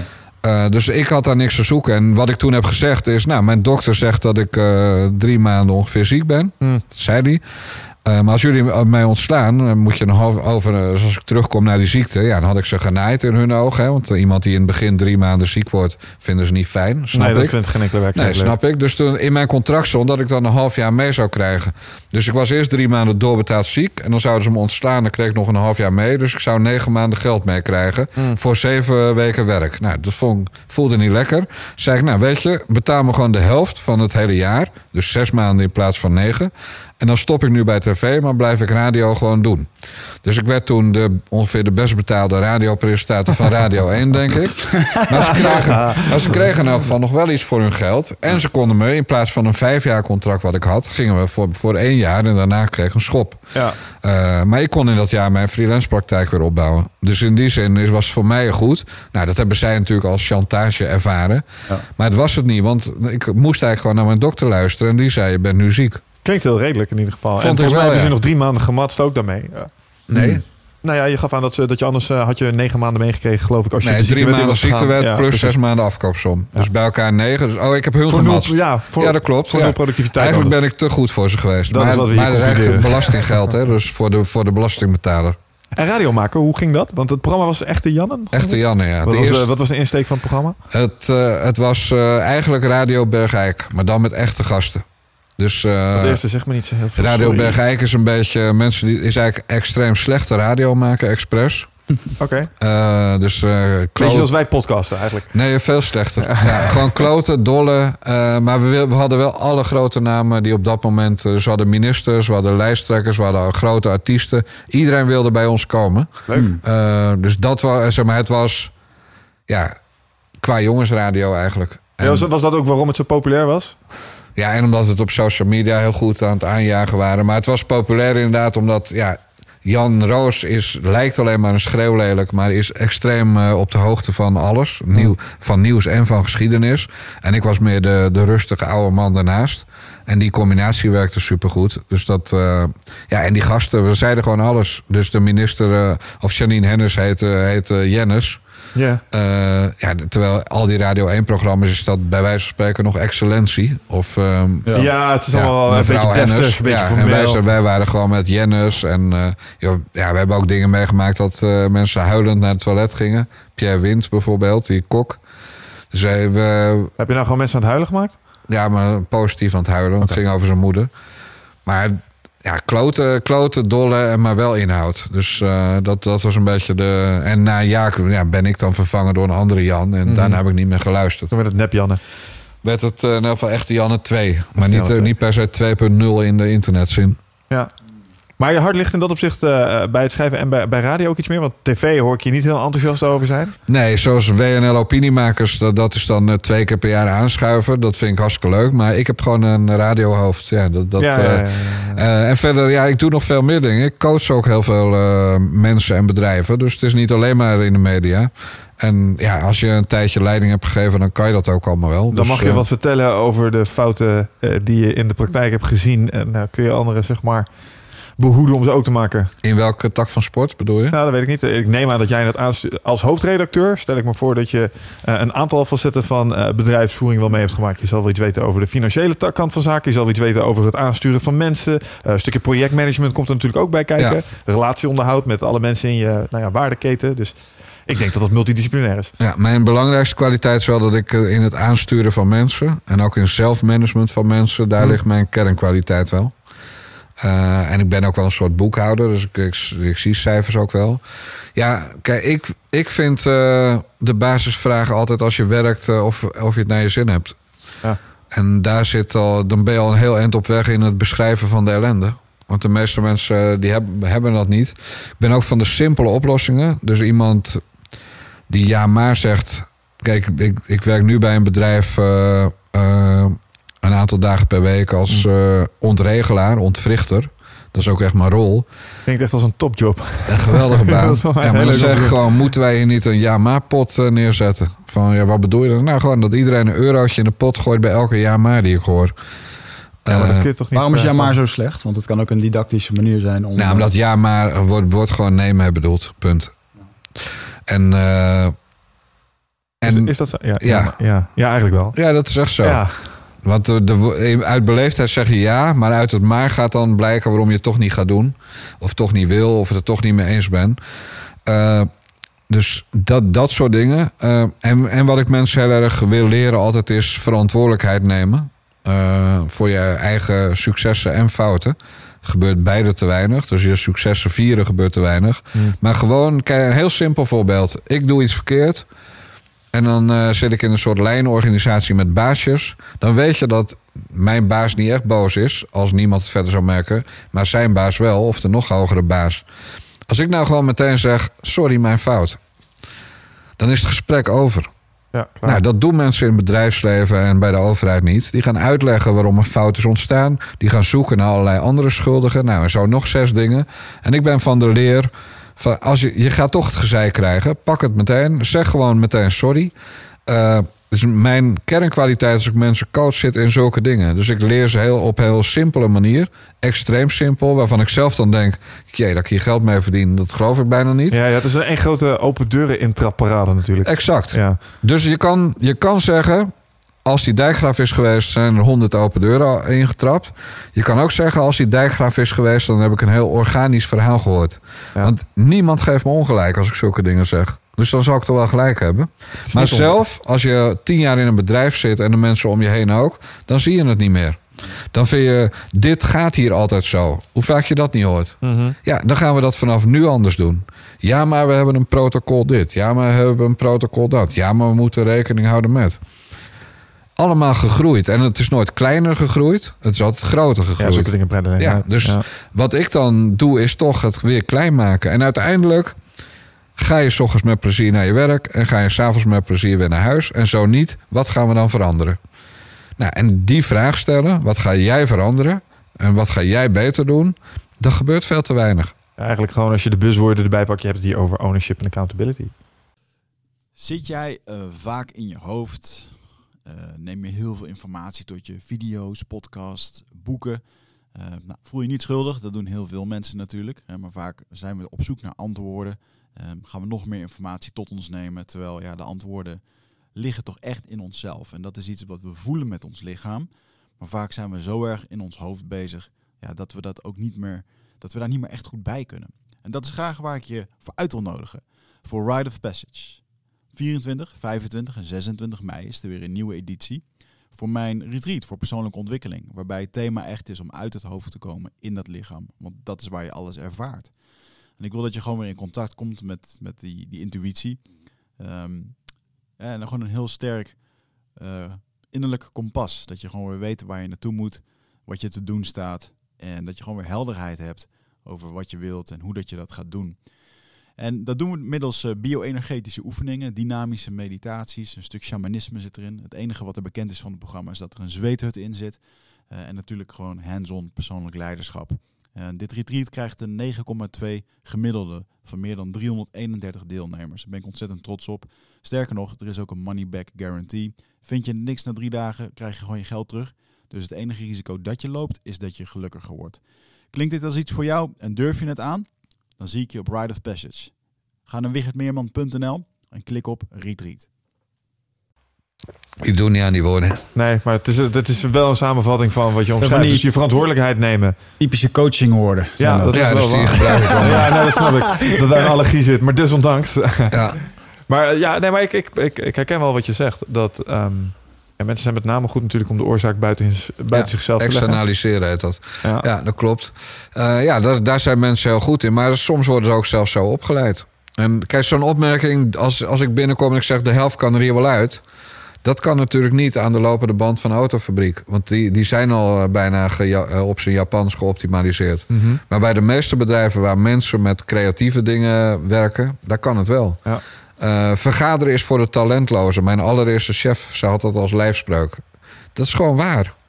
Jezelf Elke- bezighouden. Ja, elke vergadering waar meer dan twee mensen zitten is in principe zinloos. Tenzij er een goede agenda is en tenzij er een goede afsprakenlijst uitkomt. Juist. Is dat simpel? Ja, dat is simpel. Gebeurt het overal? Gebeurt bijna nergens. Man, dit is echt een spijker op de kop eh, voor mij. Ik eh, zit in het onderwijs de laatste tijd. En eh, daar zie je echt, daar heb ik laatst een paar mensen echt ernstig ongerust gemaakt door een overleg gewoon de nek om te draaien. In de zin van ja, het is leuk dat we hier bij elkaar zitten, maar we zijn elkaar alleen nog maar aan het informeren. Ja. Constant. Als dat meer dan twee keer gebeurt, geloof ik niet dat een overleg nog zin heeft. Weg ermee. En dan merk je in, in zo'n cultuur dat een. Nou, niet iedereen. Sommige mensen oh fijn, tijd in mijn agenda. En weer andere mensen denken, ja, maar hey, dit gebruikte ik een klein beetje om mijn status op te poetsen. En om maar te verantwoorden dat ik lekker druk was. Zeg Ja. maar. Dat zie je dan heel vaak. Nou, nog een voorbeeld. Stel dat je mijn werk zou doen. Je komt ergens binnen. En dan is een van je, zeg maar, een van je eerste tien vragen is... Hoeveel mensen staan hier op een cc?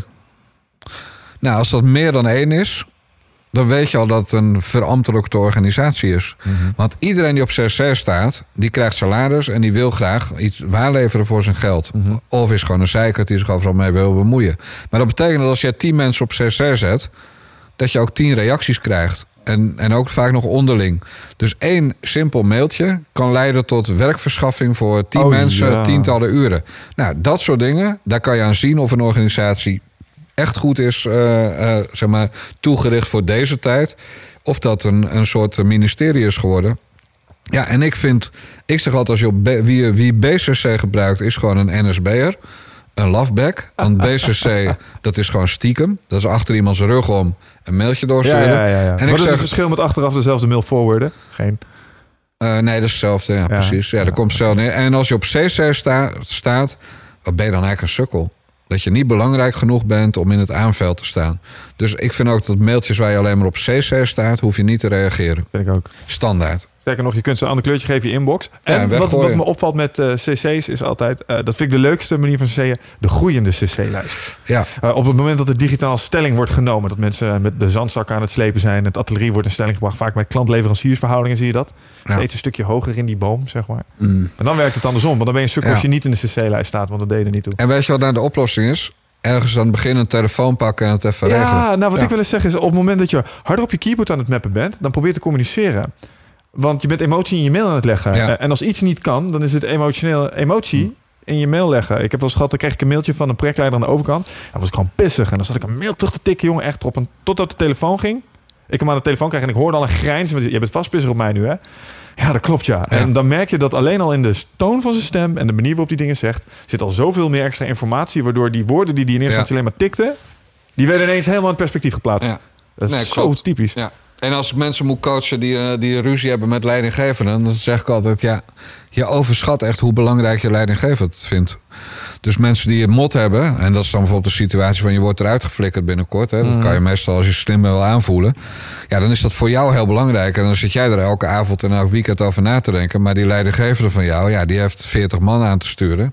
Die boeit het echt helemaal niet. Die drukt op cent en die is weer klaar tot het volgende mailtje binnenkomt. Ja. Of die laten zelfs regelen door juristen, ook goed. Maar dus, en dat besef is bij veel mensen volstrekt niet aanwezig. Van hoe nietig je bent en ook hoe nietig bedrijven zijn. Bij HP De Tijd vergaderde de redactie elke dinsdagochtend. Maar die vergaderde vooral over de inbreng van freelancers. Dus na vier weken schafte ik dat af. En dat vond een groot protest. Het waren echt allemaal fossielen. En zei ik, wat zou er nou gebeuren als HP De Tijd volgende week niet meer verschijnt? Dan- een shock dat ik dat vroeg. Maar er gebeurt helemaal geen flikker. Dat staat morgen in de krant. S'avonds zit je bij Pauw. Een week later een analyse in Vrij Nederland. En daarna is het klaar. En daarna heeft niemand meer over HP de tijd. Nee. Dus als je dat realiseert, dan ga je heel, heel wat zakelijker in de wereld staan. Betekent niet dat je geen compassie mag hebben en passie, moet. Maar je moet ook een beetje je eigen rol in de wereld kennen. Moet. Niet altijd Ja. wenselijk, maar zo af en toe is het niet anders. Nee, het moet. Passie Ja. moet. Ja, zonder passie is elke uur van je dag Ja, zonde. ik dacht, je zei compassie. Ja, je- compassie en passie. ja, passie kan ik me wel Ja. voorstellen. Ja. Maar ik geloof wel dat een hele hoop creatieven, want jij zit er wel, eh, eh, je zit in de media, er zitten een hele hoop creatieven.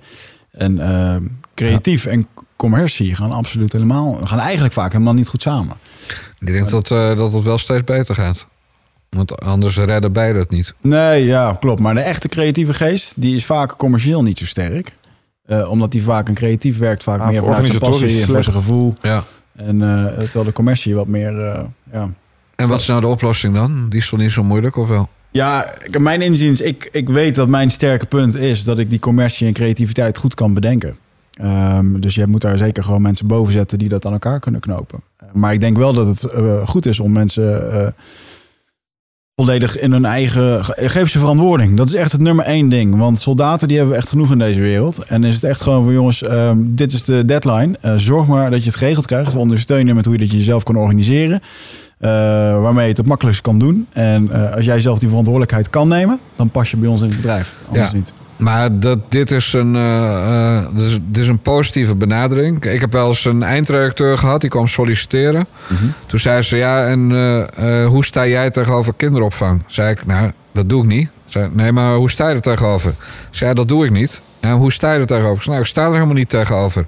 Jij moet gewoon elke maand of twee weken, was twee weken verschijnend blad. Jij moet elke twee weken zorgen dat het blad op tijd naar de drukker is. Punt.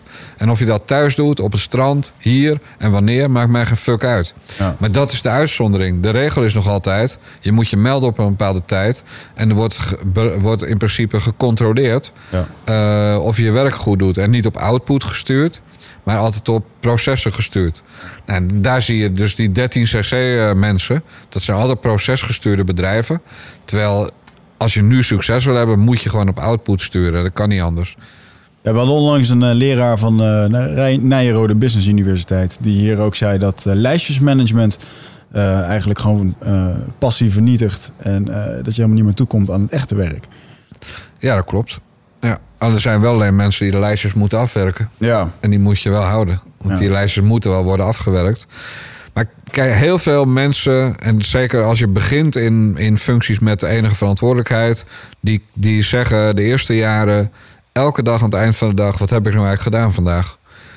Echt bijna allemaal. En dat komt omdat ze hun werk niet goed georganiseerd hebben. Nou, daar heb je natuurlijk allemaal methodes voor om je werk wel goed te orga- georganiseren. wat is jouw eh, favoriete methode daar? Mijn favoriete methode is nee zeggen. Er is een mooi boek over geschreven waar wij het net nog even hebben gehad. Say more no.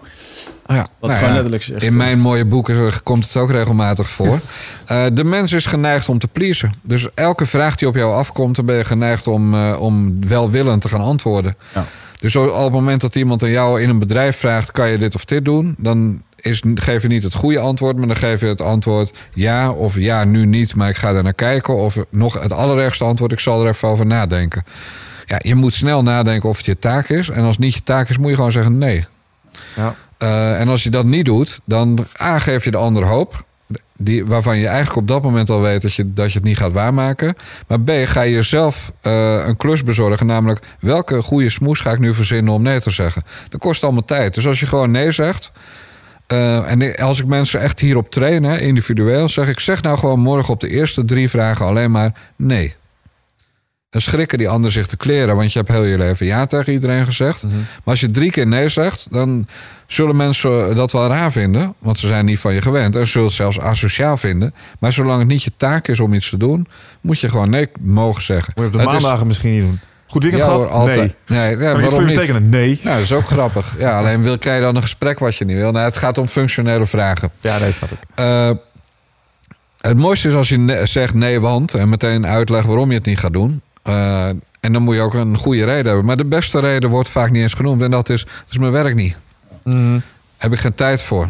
Uh, maar, en wat doen Nederlanders? Ik zal eens kijken. En dan komt de volgende keer komt weer ter sprake. Dan is het... Uh, ja, ik weet eigenlijk niet of dat mijn werk wel is. Dat zijn dan de halve ambtenaren die dat zeggen. Of dat mijn taak is. Of uh, als het wel half je taak zou kunnen zijn. Ik uh, kom er voorlopig niet aan toe, denk ik. En dan hopen ze dat een ander het alsnog over. Gewoon zeggen nee. Nou, en dan wordt je dag wordt veel beter uh, georganiseerd. Nou, dan heb je natuurlijk je momenten kiezen. Ik geef mensen training in hoe je in tien dagen een boek schrijft. Dat zijn altijd mensen die een goede baan hebben, want ze, ze moeten me betalen. Dus in principe kost dat serieus geld. Als die zeggen: Ik heb geen tijd, dan zeg ik: Nou, je hoeft helemaal niks aan je leven te veranderen. Blijf doen wat je doet. Maar zet de wekker één uur eerder. En als je elke dag één uur eerder opstaat om het eerste uur alleen maar aan het boek te besteden. Nou, als je dan weet dat mensen, laten we zeggen, slecht zeggen 500 woorden per uur tikken. En een boek wordt 50.000 woorden. Dan betekent dat dat je 100 dagen een uur eerder je bed uit moet en is je boek af. Ja, zo simpel is het leven van mensen die druk zijn en mensen die zeggen van ik uh, kom niet aan mijn eigen werk toe en mensen die eh, groeien in functie. Je moet het gewoon simpel houden. En als je het niet simpel houdt, als je de hele dag gaat denken: vanavond eh, nog een uur aan mijn boek schrijven, hoop ik, als ik eraan toe kom, Ja. zit de hele dag in je systeem. Ja. Nee, doe het gewoon 's ochtends vroeg. En er Ja, zit dat- in de formulering al een voorbehoud. Ja, precies. Excuses zoeken. Eat your big frog first. Ja. Ja, volgens mij eh, een boek in tien dagen. Jij hebt dit, eh, dit concept volgens mij goed toegepast. Want ik heb eens even gekeken. hè. Je hebt best wel wat boekjes op je naam staan. Ik heb er een stuk of 40 nu geschreven in de laatste vijf jaar. Ja, Ja. dat zijn nog een boel. Ook wel eh, heel divers, eh, ehm, nou ja, veel diverse onderwerpen. Eh van op een aantal, dat is ook een beetje hoe we in principe op zijn gekomen. Eentje die, die voor mij er even dus uitsprong. Ik heb hier een rijtje staan met, met boeken waar je misschien wel iets, even kort iets over kan zeggen. Ehm, deze is voor ons, Wigert. Een webshop is geen carrière. Hmm, Valt over te discussiëren. Eh, eh, ik had hier staan, we back to differ, kind sir. Ja, het boek is niet van mij, is van Marianne Zwageman. Maar ik, heb, ik ben co-auteur van dat boek. Oké. Eh, nee, maar dat ging over. Gaat, dat boek is bestemd voor vrouwen. En, de- en dat is geschreven met de gedachte van al die vrouwen die dan een kinderkledingwinkeltje beginnen. Eh, dat, dat je dan niet kan zeggen: Ik heb een carrière. Behalve als je een, een eh, hele grote kinderkledingwinkel hebt. Ja. Dus wat zij bedoelt met een carrière is dat je heel erg eh, jezelf moet opofferen. Wil je echt iets bereiken. Maar met twee uurtjes per dag je webshop onderhouden. Dat heet geen carrière, dat heet een hobby. Dat is de Ja, rode draad precies. in dat verhaal. En je moet je dus aanpassen aan, in, volgens haar. Je moet je aanpassen aan de omgeving. En dat betekent dat, dat als je als vrouw iets wil bereiken, dan moet je niet zeggen: ik kan maar vier, uur, vier dagen per week werken van mijn man. Dan word je nooit een topper in een groot bedrijf. Nee. Dus eh, gedraag je zoals kerels zich vroeger ook moesten gedragen. Dat is een beetje de rode draad in dat boek. En daar zien we dan ook wel weer een klein beetje dat, eh, dat hufte-aspect. Want je zou je kunnen voorstellen dat dit eh, sociaal... nou ja, onwenselijk zou ik niet willen zeggen, maar het zijn niet populaire standpunten. Want Nee, dat kun je eigenlijk niet zeggen Nee, daarom, vond, was het ook leuk om co-auteur van dat boek te zijn. Ja, Ja, dat snap ik. Ja, nee, dat, dat klopt. Dat is niet populair, maar dat is wel feitelijk. Kijk, een heel simpel eh, verhaal. 30% van de mensen gaat scheiden. Dus stel nou dat je als vrouw heel je leven hebt gewijd aan je webshopje... met eh 200 euro omzet per week. Hmm. En dan doe je het nog goed. Eh, ja, dan kan je dus niet na die scheiding lekker doorleven. Dus eh, het is gewoon een economische noodzaak... dat vrouwen in Nederland ook gewoon serieus geld verdienen. Mhm. Of in elk geval toegang hebben tot snel geld verdienen. Ja, dan moet je niet een eh, lullige webshop beginnen. Eigenlijk een oproep tot emancipatie. Eigenlijk wel, ja. ja. Ja. Dus het is een. eh, En die, die titel is provocerend, ja. Maar dat is ook hoe Marianne Zwageman is. En ik ook wel. Dus, Ja. eh, Ja, het triggerde mij in ieder geval. Wij hebben natuurlijk een, eh, een webshop met CSV. Ja. Nou, is dat wel helemaal waar? Nou ja, maar als je hem zo, zo neerzet, dan begrijp ik hem helemaal. Eh, je hebt natuurlijk het, het, het boek Buttkick Jezelf. Ik heb erover nagedacht. Ik heb het enige manier om dit te doen is met een hak. ja. Voor je konschop Ja. je met een hakje. Nee, dat is inderdaad het wakkerschutboek, ja. Dus, ja, is, eh, eh, een, een, een, hoe ga je daar in principe in te werk? Want als op het moment dat ik... eh, wanneer, wanneer pak ik buttkick mezelf? wanneer pak ik hem op? wanneer je daarmee begint, bedoel je? Ja, wat is een goed moment Nou, in je leven? om Weet je, de meeste mensen die, gaan, die pikken hem helemaal niet op. Dat is, dat is juist het probleem. Uiteindelijk geloof, ben ik van de, van de school dat iedereen die zelfstandig is... Hè, want het boek is wel best wel op zelfstandige mensen gericht... of Mhm. kleine ondernemingen. Eh, ik ben van de school dat je, dat je je heel erg moet onderscheiden van de massa. Dat is namelijk de enige manier dat je ook geld voor je diensten en producten kan vragen. Ja, Als je hetzelfde levert als honderd anderen... dan is dat is het resultaat dat je op prijs gaat concurreren. van- vandaar dus inderdaad ook de allergie voor termen als coach. Ja, Is dat ook waarom je ZZP'er een, een armoedige Ja, dat vind term ik, ook, vond? vind ik ook een rare term. Maar eh, wat ZZP, ja. Ik bedoel, eh, voor mij is dat eigenlijk een belastingdienstterm. Dat, eh, ik ben gewoon butkikker. En, Ja, en, een, en een ander is freelance journalist. En een derde is, maakt een radioprogramma. Maar in elk geval... waar was ik? We hadden het over buttkick jezelf. En dat het met name voor zelfstandigen... Ja, Kijk, uiteindelijk zie je dat heel veel mensen iets willen wat ze twintig jaar geleden wilden. Nou, laat ik even het voorbeeld van freelance journalisten nemen. Hm. Dan heb je twintig van die vrouwenblaadjes. Waar ze, alle, waar, waar ze met vele honderden eh, om hetzelfde been vechten. Nou, wat doen die vrouwenbladen? Die gaan A op zoek naar betere verhalen en, en B naar lagere prijzen. Als je jezelf niet hebt gespecialiseerd in... ik ben de beste interviewer van Nederland... of ik ben de beste columnist van Nederland... of ik ben de enige die eh allochtone vrouwen met, een, met één borst... en een eh, gebroken been en een dwarslesie... bij de derde wervel van de rug weet te vinden. Dus Heel heel, goed kan researchen. Ja. Eh, als je jezelf niet profileert als iemand die in iets de beste is... dan heb je geen waarde. Dus bij Buttkick jezelf is het doel uiteindelijk eh, dat je jezelf als merk neerzet, maar dan zonder obligaat te worden. Dus ik doe dat heel simpel met maak maar je eigen visitekaartje. Nou, als ik een zaaltje van 30 mensen heb en dan zeg ik zet maar op je visitekaartje wat je bent. Nou, er zijn mensen die hun naam noemen en dan zeg ik ik heb nog nooit van die naam gehoord, maar er zijn ook die zich accountmanager noemen. Ja, wat nou accountmanager? Er zijn er 300.000 van in Nederland. Ja. Dus dan weet ik toch niet waarin jij de beste van Nederland bent. En ik leer mensen om ergens om zich te profileren als ik ben de beste in iets. Nou, dan heb je natuurlijk het probleem dat niet iedereen het ook echt is. Mhm. Dat is dan hun probleem. Ja, helder. Moeten ze aan werken. Dan, ja, dan moeten ze aan werken. Ja. En een titel die daar een beetje in het verlengde van ligt, maar dan vraag ik me af, is dat dan ehm, meer voor het privéleven? Is de wake-up call voor mannen? Voor mannen, ik het goed van voor Ja, beide Ik 40 heb er twee gemaakt, ja. ja. Voor mannen en voor uh, weekendwensers heb ik die gemaakt. Eh, ja, mannen vanaf 35 beginnen in te kakken. Dat, dat is gewoon een gegeven. Ja. Eh, de meeste. Dalend testosteron. Ja, dat is later hoor. Kan Ja, ik dat is een jaartje Ja. 50 hebben we de podcast Ja, nog later bij sommigen. Eh, maar goed, de kale mannen die hebben daar weer, hebben weer meer- overschotten meer- dan, ja. precies. Dat maak ik mezelf ook elke Ja. ochtend weer wijs. Ja, maar eh, nee, kijk, uiteindelijk is... eh, ik ben opgevoed door een vader die dus zei... ik kan nog lang genoeg dood zijn. Dus die, die heeft tot, tot hoge leeftijd relatief gestudeerd... en hard gewerkt. En stond elke ochtend om zes uur op. En fietste 300 kilometer in de week. Dus zo'n strebertje.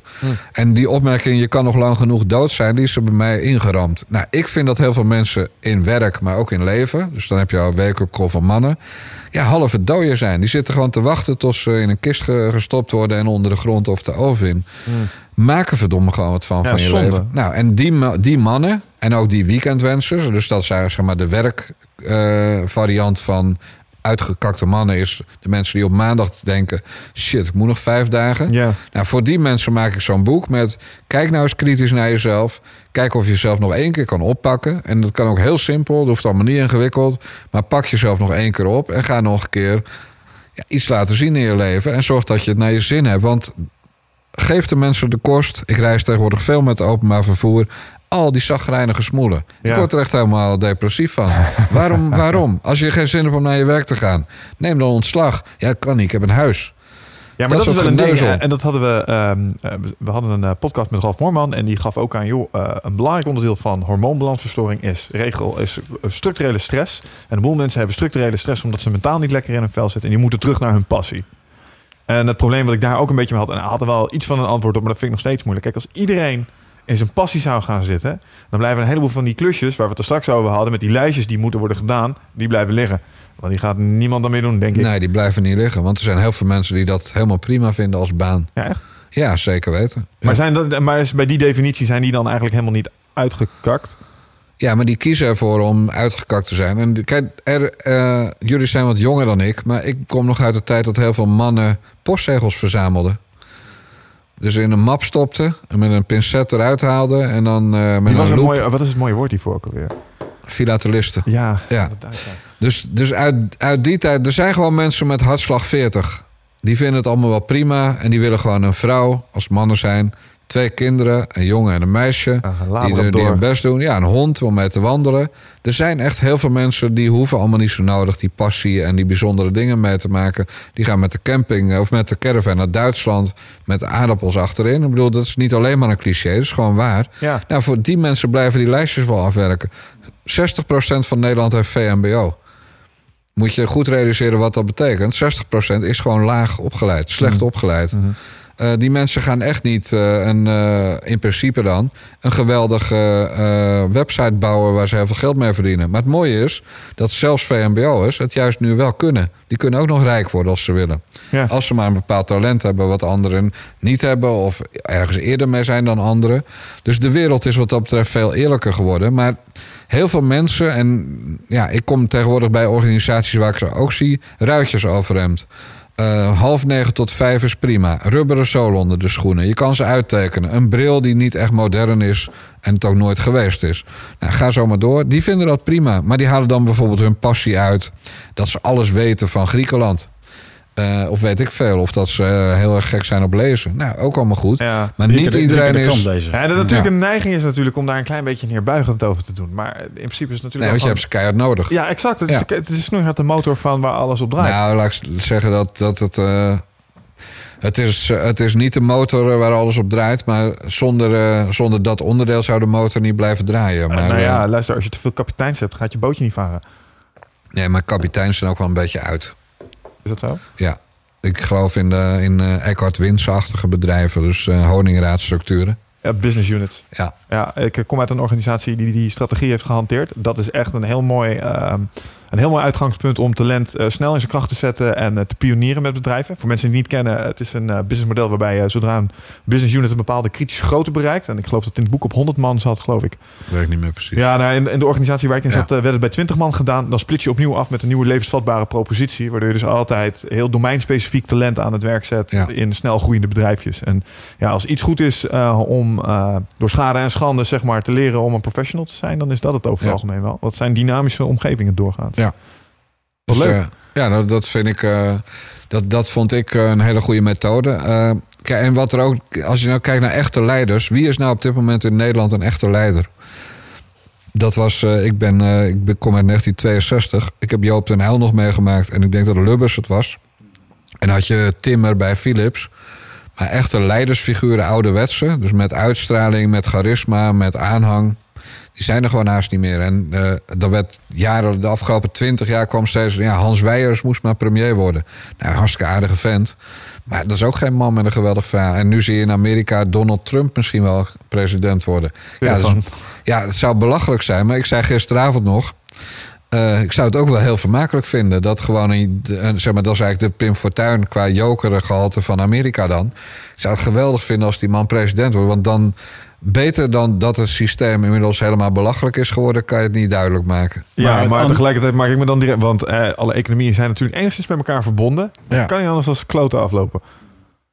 Denk je niet? Maar als je het hebt over leiderschap, dan denk ik dat eh, hier in Nederland, eh, qua politiek, daar zak ik echt mijn broek van af. Maar als ik denk naar leiderschap en ik kijk naar bedrijven, dan kan ik wel een paar toppers aan, eh, aanwijzen, weet je wel. Ja, maar zou je, zouden ze jou bezielen? Zou je voor hun gaan werken? Zou je voor hun je best extra doen? Die leiders, zeg maar Jack Wells-achtige leiders.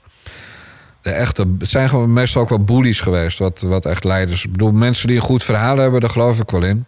Uiteindelijk geloof ik dat je voor jezelf werkt. Je werkt niet voor een leider, je werkt niet voor een bedrijf. Je werkt voor je eigen plezier. En dat zit voor, helemaal niet alleen maar in geld, het zit ook in andere dingen. Maar uiteindelijk, als, als iedereen, dat zeg ik ook wel, als iedereen goed voor zijn eigen gezin zorgt, hebben we ook geen oorlog. Maar daar, daar kom je bij als iemand de politiek ingaat en die ambities heeft. Ik, ben nu, hè, ik zou de jonge hond zijn van 21 en je krijgt die optie om daar, daarin te gaan. En je gaat studeren en je komt bij zo'n clubje en vervolgens word je een keer voorgedragen. Nou, misschien word jij dan wel uitgekozen en dan moet je op een gegeven moment zieltjes gaan verzamelen, stemmen winnen. En dan komt de passie van in de politiek willen werken en een betere samenleving maken. Die wordt in één keer naar achteren geduwd door het ellebogenwerk van... maar ik wil ook carrière maken en ik wil presteren. En ik denk dat zeker in de politiek, dat je dat gewoon continu ziet door... eh, ja, want als ik nu eh, hier eh, een beetje extreem over spreek... dan zou het wel zo kunnen zijn dat ik volgende keer niet uitgekozen voor dat en dat. Ja. Dan hou ik mijn mond er maar over. Ja, dan ben je dus eigenlijk al niet helemaal goed bezig met zo'n politiek systeem. We hebben het er wel eens een keertje vaker over gehad. Hè? Ik zou best wel... ehm, ik, ik ben ook echt President willen worden. Oh, zou ik uitdaging vinden. Maar ik denk niet dat ik geliefd zou zijn. Wil ik ook helemaal niet zijn trouwens. Maar ik zou wel heel erg eh, bijvoorbeeld over ons belastingstelsel... ehm, dat mijn geld ergens heen gaat waar ik eigenlijk helemaal geen invloed op heb. Het zou voor mij veel aantrekkelijker zijn. eh, hè, misschien dat ik straks wel wat meer verdien dan de rest. Dan wil ik daar ook meer aan afdragen. Maar geef me dan in ieder geval een deel van mijn eigen potje... waar ik zelf gewoon kan zeggen van... joh, ik woon in die buurt, mijn kinderen gaan niet groot worden. Ik wil dat daar eh, die fucking speeltuin komt. En ik wil dat daar een school komt. En ik wil dat daar mijn belastinggeld heen gaat. En ik denk als je zo'n structuur kan creëren... Ja, dat het eigenlijk in één keer... dat het belasting betalen bijvoorbeeld een stuk draagbaarder wordt. Omdat je rechtstreeks eh, de eigen Ja. allocatie van je belastingcentjes mag Meer bepalen. eigen invloed op waar een deel van die centen heen gaan. En dat het dan wat meer is dan de rest omdat je wat meer verdient. Hey, fine man, dat snap ik echt wel, weet je wel. Mhm. Alleen... eh, Ja, het hele politieke systeem is wat mij betreft dood. Ik ben een groot voorstander van eh, referenda. Eh, nou, zie je dat in Nederland zelfs de referendumpartij bij uitstek... het eerste beste referendum wat we hebben, daar tegen is. Eh, en dan zeggen ze, want kiezers zijn niet slim genoeg om, te- om deze moeilijke beslissing te kunnen nemen. Nou, dan, op zich hebben ze daar nog gelijk in ook. Ik, bedoel, ik kan het associatieverdrag met de Oekraïne... Ik wil het niet eens beoordelen, maar ik kan het ook niet goed beoordelen. Nee. Ik wil gewoon dat er een referendum komt. Maar zijn we dan wel goed om eens in de vier jaar te zeggen... van nou, dit was je verkiezingsprogramma, meneer Rutte... of meneer Buma of meneer Samson. Dit was jouw verkiezingsprogramma. Ik geef jou nu mijn stem. En ga vervolgens vanaf dag één de boel maar verkwanselen... want dat heet coalitie. Ja. En ga vervolgens in die, de rest van die vier jaar... maar telkens opportunistisch op... oh, er komen nu 800.000 mensen richting Duitsland... Eh, we moeten van, van Brussel dit, we moeten van Brussel dat. Griekenland heeft nog wat miljardjes nodig. Ja. Dus wij moeten voor vier jaar vertrouwen geven aan mensen die niet doen wat ze voor die vier jaar beloofd hebben. Nou, dat is ook niet in de haak, dat systeem. Maar ik heb ook regelmatig, ik ben ook wel eens gevraagd onlangs nog voor een politieke partij. Ik moet er niet aan denken dat ik daar ging werken, want dan moet je gewoon mee in het systeem. Ja. En als je meegaat in het systeem, dan word je net zo erg als de rest. Ja, ga ik niet doen en jij ook niet. Maar jouw belastingidee, ja, dat is ook niet helemaal nieuw. Dus dat, dat hoor je vaker. Eh, maar men vertrouwt ons in Den Haag het niet toe dat wij dat kunnen beslissen. Men Nee. vindt ons te dom. Ik denk dat, eh, eh, dat er nog een paar stappen nodig zijn om infrastructuur te kunnen leveren om dit soort dingen te kunnen doen. Digitaal bedoel je? Ja, digitaal. Want ik denk dat het internet echt wel mogelijkheden biedt om dit soort processen Tuurlijk. goed te Ja, maar faciliteren. dan moet je het willen. Dan moet je willen, dat is één. En, en en ik ben ook wel gevoelig voor het argument wat je aandraagt dat ehm, ik kan echt niet over alle zaken van staat een, een, eh, een onderbouwde mening vormen. Nee. Dus als je mij dan A of B laat kiezen, ja, dan wordt het een soort gokken. Dat is net een muntje omhoog gooien. Dat, dat kun je ook niet van mensen verwachten. Eh, wat ik me wel kan voorstellen is inderdaad een soort, eh, misschien, ja, waar Wigert het over had, klinkt een beetje als crowdsourcen. Hè? Dat je als voor een deeltje van je. Ja. Oké, ik heb zoveel, ik heb een potje van zoveel. Dat mag ik verdelen over een van deze 20 projecten. Eh, en daarmee bepaalt eigenlijk het publiek waar dat gedeelte heen gaat. Ja. Een deel reserveren voor infrastructuur, weer een deel voor onderwijs, een deel voor het zorgsysteem. Maar inderdaad, een variabel deel mag je zelf. Ja, en wat gebeurt er als iedereen kiest voor snelweg?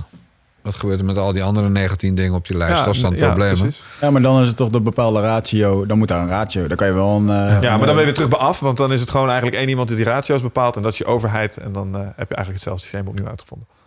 Mm, Maar nee, het is een leuk plan. ja. Ja, leuk. Dat, eh, Oh, zo. Ja, ja, je kan er uren over discussiëren of dat Ja. wel of niet. eh. Ehm, mag ik nog één boek van jou eh, eventjes bespreken? hè? Dat vond ik wel een grappige. Louis van Gaal in zijn eigen woorden. Ik vind Louis van Gaal zo'n apart figuur. Ik vind Ja. hem een eindbaas in hetgene wat hij doet.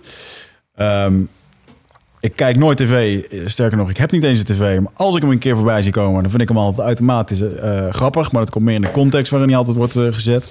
Want eh, hij is wel een type die het gewoon op zijn manier doet. En dat kan ik wel heel erg waarderen. Is dat ook de reden waarom jij een boek over hem hebt geschreven? Eh, ja, ik heb een serie boekjes geschreven met eh, citaten. Dus Mhm. ik, ik had al gedaan Beatrix en Mandela. En kijk, is, die, dat soort boekjes, dat is de categorie cadeauboekjes. Dat is gewoon commercieel werk. Ja, Dus dan er komt een WK voetbal aan.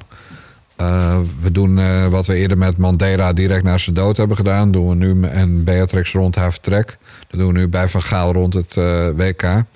Het is wel een man waar- waarvan je weet dat je dan leuke uitspraken tegenkomt. En ja, jouw hele beleving van hem, die heb ik ook. Maar wat daar bijvoorbeeld dan voor mij uit voortkomt... is dat ik dan bij de VARA, bij, eh, op Radio 2... gevraagd word om elke dag in de psyche van Van Gaal te kijken... omdat ik hem dan zogenaamd ken. Oh ja, dan ben jij Dus ik zit dan tijdens zo'n WK ook meteen als specialist bij de radio. En daar krijg je ook gewoon geld voor. Ja, Dus uiteindelijk is het gewoon een businessmodelletje om dat soort citatenboekjes te tikken. ja, Ja. ja, ja. Je bent er wel heel Ja. eerlijk over. waarom zou je erom liegen? Ja, dat weet ik niet. Omdat Ja. sommige auteurs ook nog wel eens... eh, ja, ik heb een boodschap te brengen en zo. En eh, deze Ja. inspiratie wil ik mensen graag meegeven. Ik vind wel dat ik dat op het gebied van buttkicken en, eh en zelfmanagement wel doe.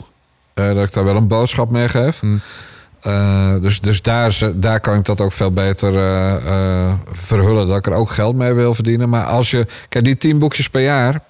Die schreef ik omdat ik wilde aantonen dat, het, dat ik in tien dagen een boek... want dat doe ik nog naast allemaal andere werkzaamheden. Terwijl de meeste mensen al blij zijn als ze één boekje per jaar kunnen tikken in dat gebied. Dus ik bewijs dan dat mijn methode werkt. Nou, mijn methode moet uiteindelijk ook internationaal. Want eh, waarom zou je dit alleen in Nederland kunnen doen? Ik kan ook in Engelstalig gebied. Nou, als jij in Amerika komt met... ik kan jou leren om in tien dagen een boek te tikken... dan lachen ze je hard uit. Maar als je zegt, kijk, dit was 2012, dit was 2013, dit was 2014... Ja. toen heb ik het gedaan. En ik was ook nog dit en dit en dit. Dan ben je meteen binnen. Dus ik, ik moest die, proefjes gewoon, die, die boekjes gewoon maken Ja, om bewijs te hebben eh, dat, ik, eh, dat die methode van mij werkt. Nou, nu geef ik hem heel veel individueel aan mensen. Maar uiteindelijk wil ik dat het gewoon een videotraining wordt. Waar ik netjes centjes mee verdien. Ja, ik ben gewoon, ik ben gewoon een bedrijf. En eh, dat bedrijf dat, dat heeft alleen maar, doet alleen maar dingen wat het leuk vindt. Dus ja, dat... eh, wat wel een fantastische onderneming moet zijn natuurlijk. Want dat is volgens mij een van de leukste dingen van niet meer in loonslavernij werken. Dan gewoon lekker alles kunnen doen waar je zin in hebt. Ja, en elk jaar gaan we, wordt het resultaat ook beter in financiële zin. En de dingen die ik minder leuk vind, doe ik niet meer. Maar ik maak bijvoorbeeld ook twee keer per jaar een blad voor een schoenenzaak in Drenthe. Eh, gewoon keurig professioneel magazine. Maar ik ben die man tegengekomen. Ik hou van schoenen. Nou, daar schaam ik me ook niet voor. Eh, Dat is in feite eenvoudig werk voor iemand met mijn cv. Maar als je, van, als je die gedeelde passie van schoenen hebt... Ja. eh, ja, dan, dan is dat ook hartstikke leuk. Ja, dat blaadje is ook gewoon de 300.000 oplagen in heel Noord-Nederland. Ja. Dus het is geen kattenpis. Maar dat vind ik net zo leuk. Ik doe gewoon geen dingen meer in mijn leven die ik niet leuk vind. Wat is er zo vet aan schoenen? Nou ja, kijk, als je dat kapsel hebt wat wij, ambacht, hebben, jongen, wat wij ambacht. hebben... Ja, ja nee, ik weet, het is gewoon een vraag. ik Wat vind mooie, sneakers tof. dus- scho- met schoenen kan je zelf onderscheiden van eh, de massa. Dus ik let altijd op schoenen. En hij, dus Jan Schutrups, die is die eigenaar, die kan zelfs karakter uit eh, schoenen en hoe mensen lopen eh, halen. Eigenaar van Ziens. Nee, nee, nee, Schutrups heet de zaak. Ja. Dus eh, scho- ja, schoenen zijn, zeggen heel veel. Schoenen en horloges, jongen, vind Ja, ik. en Die zeggen brillen. heel veel. Van je persoonlijkheid dus eigenlijk. Ja, maar ik kan het ook echt wel super waarderen. Dat, eh, ik ben ook zeker een, eh, een schoenenfan. Ehm, maar ook het, eh, gewoon het, de ambacht, weet je wel? Gewoon Ja. de uren en het... ik heb, weet je ook, een, een horloge waar ik een keertje... Die heb ik een keer gekocht van mijn eerste bonus die ik kreeg. Dat ding is gewoon kicken en dat ding is vet. En niemand zal dat... Sommige mensen zullen dat nooit begrijpen. Ehm, en ja, het is inderdaad een irritatie. Hij is nu kapot, die moet gemaakt worden. Ja. En dan betaal je weer zo'n hoofdprijs. maar het is wel gewoon heerlijk, weet je wel. Het is gewoon een, een stukje ambacht dat erin zit. En een stukje, ehm, ja, Zijn deze ook van eh, de beste man die je nu aan hebt? Ik koop alleen maar schoenen bij hem, ja. Hou ze even voor de camera, even lenig. Geen probleem. Grevens. kijk. Oh, nice. Nederlands merk. Leuk. Mooi. hè? Ook een grote maten te verkrijgen, want dat is mijn grote klacht ja, altijd. wel, ja. 50 Ja. plus? Grote maten en er kunnen zooltjes in als het nodig is. Dat is een eh, voorwaarde bij zijn zaak. Zij verkoopt alleen maar merken waar zooltjes in kunnen. Oh, oké. Waar de zool verwisseld kan worden. Voor om houdingcorrecties en dat soort dingen. Ja. Oh. Alles op maat, jongen. Dat moet steeds Mm. meer. Hey, wat vind jij van een nieuwe, nieuwe media? Want je zit nou in een podcast. Ehm, Wat, Een beetje eh, ouderwets podcast, vind je toch? podcast ja, ouderwets? Zo Ja. 2010. Ja, ja. In Nederland lopen we nog vrij voorop, eigenlijk, met dit fenomeen. Ja. Ik geloof eh, dat nieuwe media, de oude volledige... Ja, wat is nieuwe media? Maar dat uiteindelijk het aanbodgestuurde eh, helemaal gaat verdwijnen. Bijvoorbeeld televisie. Dat gaat nu heel hard. Ja. Eh, dus dat mensen hem er niet hebben. Of kijken op momenten dat ze zelf willen. Of op de laptop. iPhone. Eh, en eh, kijk, het grote voordeel van wat er nu aan de hand is... is dat we afgaan van de massa. Dus je, je kan best een tv-station hebben met tien kijkers. Als die kijkers maar heel waardevol voor je zijn... kan het toch nog lucratief zijn. Ja. Ja, dat is een waanzinnig mooie ontwikkeling. Dus ik slurp alle nieuwe ontwikkelingen heel erg op. Eh, en volg alles en doe mee als ik, de, als ik denk ik moet mee. Eh, maar wat je bijvoorbeeld nu ook ziet, letterlijk nu, is dat nieuwsbrieven helemaal aan het terugkomen zijn. Als business, eh, als die aanjager van business. Terwijl we toch echt een half jaar geleden riep iedereen nieuwsbrieven is, is geweest. Ja, nu zie je, zeker in het circuit waarin ik zit, zie je heel veel dat weer terugkomen. Uiteindelijk gaat het, om, gaat het wel om de inhoud. Dus als de- Content, ja. ja, daar gaat het uiteindelijk om. En hoe dat wordt aangeboden, ja, zo makkelijk mogelijk. Maar wij kunnen nu niet zeggen dat het over twintig jaar niet in de lenzen van je ogen is gezet, letterlijk. Ja, ja. Eh, en dat je helemaal geen scherm meer nodig hebt, dat weten we niet. Het zou me En, eh, niks verbazen. Nee, dat, eh, als je kijkt hoe snel... Ik heb nu een boek gemaakt over voodoo marketing... met een oud klasgenoot die daarin is afgestudeerd. Dus dat is zeg maar verdorven verleiders in plaats van verborgen verleiders. Eh, als je ziet wat, eh, dat, dat bijvoorbeeld PayPal gewoon zegt... laten we bij kinderen maar chips gaan injecteren. Want dan is, zijn, is dat gekloot met die wachtwoorden ook over. Zegt Ja. de grote baas van PayPal. Ah. Ja, de, in 19, het boek 1984, of de film...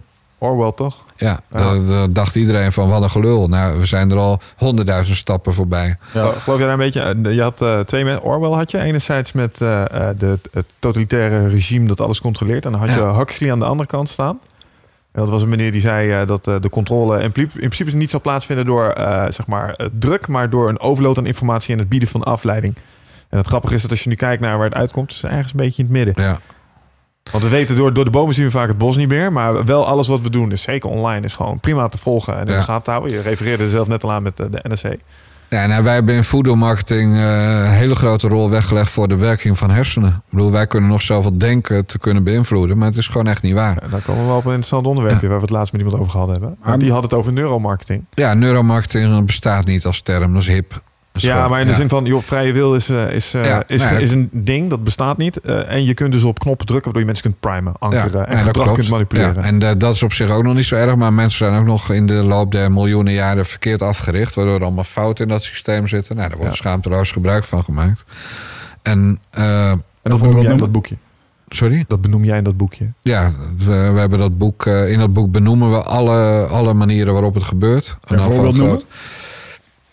Wat Eh, moeten wij per morgen meteen gaan doen? Om zo, Om meer luisteraars te krijgen, bedoel je? ja, bij wijze van spreken. Ja, dat is lastig. Eh, het boek is net af, joh. Dan zit er nog niet goed in mijn systeem.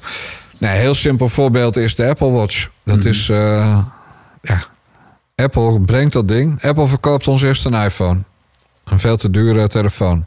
Vervolgens eh, zegt Apple, nou die iPhone, dat is wel erg dat jullie daar de hele dag op zitten te kijken. Jullie moeten socialer worden. Daar hebben we een oplossing voor, dat heet de Apple Watch. Dus in plaats van een scherm voor je ogen krijg je nu een prikkel op je huid zodra er een, een mailtje of een bericht binnenkomt. Er is geen gevoeliger lichaamsdeel dan de huid. Dus elke impuls die je van Apple gaat krijgen, die eh, eh, ga je naar je horloge kijken. Nou, dan is inderdaad dat scherm is er tussenuit, maar je kijkt op je horloge. De tweede kant is, nee, dat ding is ook heel. eh, Nu hem toch op me hebt, die Apple Watch, hij is goed voor je gezondheid. Want wij gaan als je te lang zit, geven je een seintje, jij moet nu even gaan lopen. Nou, en nog veel meer dingen. En om die Apple Watch goed te kunnen gebruiken, heb je ook die iPhone nodig. Dus als je alleen, koop je alleen de Apple Watch, dan moet je de iPhone er alsnog bij kopen als je een ander merk had. Dus het is zakelijk gezien heel slim. Maar uiteindelijk, dus het verhaal van wij doen dit voor jullie. We maken jullie minder eh, asociaal en we maken jullie gezonder. De waarheid is dat de dag dat de Apple Watch geïntroduceerd werd... en een deal met IBM werd gesloten... de beste bedrijven op het gebied van algor- algoritmes eh, eh, uitvogelen... Eh, dus uiteindelijk wat Apple van je weet is je hartslag, waar je bent, eh, de temperatuur van je huid. Wanneer je seks hebt, kan je, als je je iPhone in je bed ligt, kunnen ze dat meten. Eh, wanneer je opgewonden raakt. Nou, allemaal dingen die Apple van je weet, die geef je gewoon weg op het moment dat je je watch installeert. Dat weet je nog niet eens. Maar als je slim bent, dan kan je het wel bedenken. Wat heb je zelf momenteel op de pols? Want ik zag Ik een paar heb, eh, fancy ik heb, displays eh, ik afgaan heb links een- en rechts. Ik heb een eenvoudige Polar eh, om stappen te tellen. Dus Ja. eh, dat valt wel mee. Die, die, die zendt niet. Eh, maar het zou ook kunnen. Maar wij geven als mensen al onze privacy weg. En Hmm. nu is het nog aan Apple en de relaties van Apple. Maar waarom zou het niet naar Achmea gaan? Ja. En, en hoe waardevol is die kennis? Nou, voodoo marketing is wat Apple met de Apple Watch aan het doen is. Dus dat is mensen zonder dat ze het weten. Want als jij op pagina, als jij tekent voor een gebruiksovereenkomst, staat ergens op pagina 24 staat de shit. Ja, Maar dat leest geen hond. de Jula. Ja, dus dat lees je niet en je tekent. Dus dat, dat, dan, dan is dat op een oneerlijke manier verkregen data. Privacygevoelige data. Maar het gebeurt ook met geld. Booking.com, nog maar één kamer vrij. Het werkt gewoon. Ja. Naar eh, New York met KLM 549 euro. Vind ze maar die reizen voor 549. Zijn er niet. Het binnenhalen op die manier is gewoon oneerlijk reclame maken. En een vorm van voodoo-marketing. Nou, wat, wanneer is het echt erg? Dat is als je het bewust doet. Dus als je de intentie hebt om mensen te naaien in dat onbewuste hersengebied. Dus, eh, en als je, eh, als je mensen schade toebrengt. En als je mensen schade toebrengt die willoos zijn of zwak. Bejaarden, kinderen, gehandicapten. Nou, koop het boek. Eh, maar het is niet normaal wat wij laten gebeuren met z'n allen. En dat noemen we vooruitgang. Ja, het Ja. is eh, next level mindfuckery eigenlijk. Ja, dus Ja. neuromarketing is daar eigenlijk wel... is, is eigenlijk een, ook een vorm van voodoo marketing. Maar het- het zijn, er, is geen, er zijn bedrijven die adverteren met voodoo marketing. En die bedoelen gewoon... wij gaan mensen voor jullie beluisteren. Ja, vinden we goed. Dus ja, ik vind Ja, het of niet eigenlijk goed. mi- misbruik maken van een stukje evolutionaire bagage. Dus er zitten bepaalde... Gebrek aan evolutionaire ja, bagage. Ja, dat klopt. Ja, maar gebrek aan, ja. Want je kan niet alles eh, beredeneren. Dus als je systeem 1, zeg maar je bewuste hersenen. Als jij de hele dag alles moet beredeneren. dan ben je op je derde levensjaar ben je dood. Dat kan niet. Bijvoorbeeld een kind brandt voor het eerst zijn vingers aan een warme kraan. Die leert dan na twee of drie keer niet meer bij onder de warme kraan met mijn vingers. Ja. Als dat niet een automatisch systeem wordt. Dus dat je telkens als je water ziet moet gaan denken... mag ik water aanraken nou, enzovoort. Mhm. En dat tienduizenden keren per dag. Ja, dan heb je een probleem. Dus ik tik ook wel eens een eh, bloedserieus boek. En dit is dan met Ronald Voorne samen. En eh, wij hebben elkaar na 30 jaar na de HAO zijn we elkaar weer tegengekomen. En eh daar hebben we we ook samen een HAO commercieel econoom? Communicatie hebben we gedaan. Ah, Ja. interessant. Ja, het is wel scary shit. En zeker uit de, eh, de mond van iemand die eh, eh, nogal veel met privacy te maken heeft. En met eh nieuws-outlets en met alle hoofdredacties die je hebt gedaan. Dan vraag ik me wel eens af. Wij zijn niet helemaal veilig met onze... Ja, nou ja, we hebben het hier wel eens meer over gehad. Hè? Want je, je noemde dus juist Achmea. Ik, ik, heb, ik ben een IT-gast en ik heb altijd in de zorg gezeten. Dus veel met EPD's en dat soort systemen gewerkt. En eh, ook een van de zorgen die daar ehm, nou, die wel eens besproken is, is inderdaad joh, de macht van de zorgverzekeraar.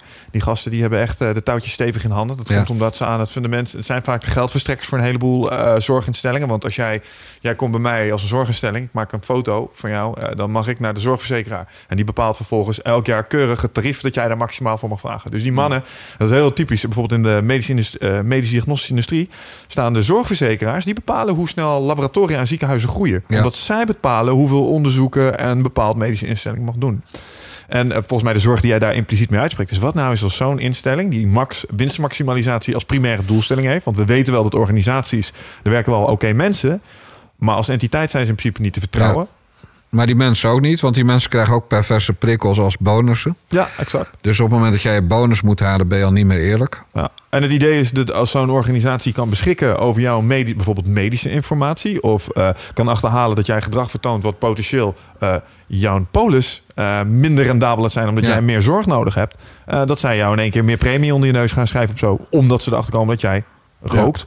Of eh, misschien een eh, extreme sport doet. Of eh on, ja, weet ik wel. Ja. Ander gevaarlijk gedrag vertoont. Dat is waar je op doelt, toch? Ja, absoluut. Dus als iemand twintig keer per dag een sigaret opsteekt, dan gaat je Apple Watch, die, die ziet je hartslagstijging, je eventueel iets met je huid.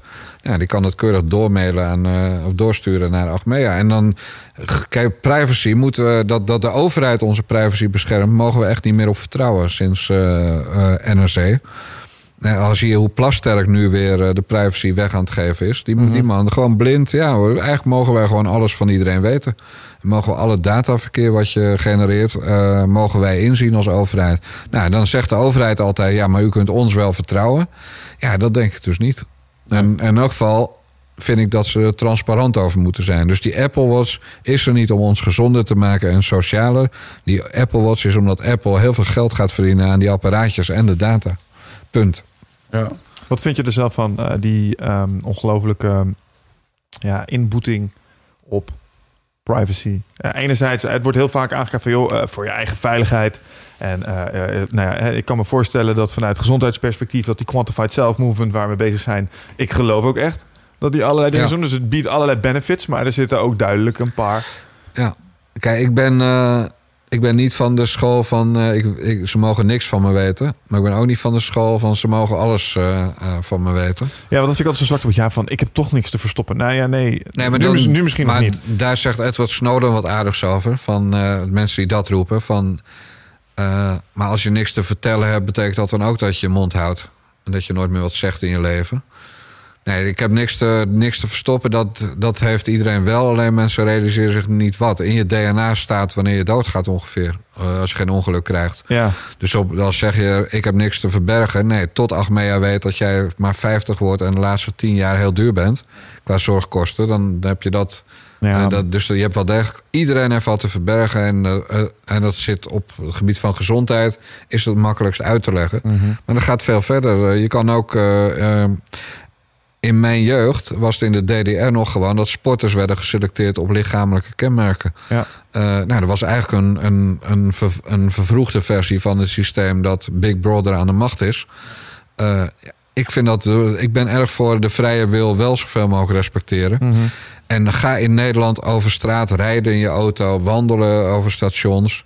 We worden al ongelooflijk veel gecontroleerd Ja, en en, gaat, gesignaleerd. en, Alle, maar nou, luister, volgens Ja. mij was het een, eh, eh, een Duitse poli- politicus. Die heeft toen op een gegeven moment ehm, eh, zijn eh, antennegegevens heeft hij vrijgegeven. Om te laten zien hoe makkelijk het was om... Ze konden Ja. gewoon eh, op een nauwkeurigheid van 2, 3 meter bepalen... waar hij overal geweest was op basis van zijn mobiele nummer. Ja. En eh, nou, mijn vader is regisseur geweest, heeft eh, digitaal onderzoek gedaan... en die heeft ook wel eens een tipje van de sluier opgelicht... van wat de mogelijkheden zijn.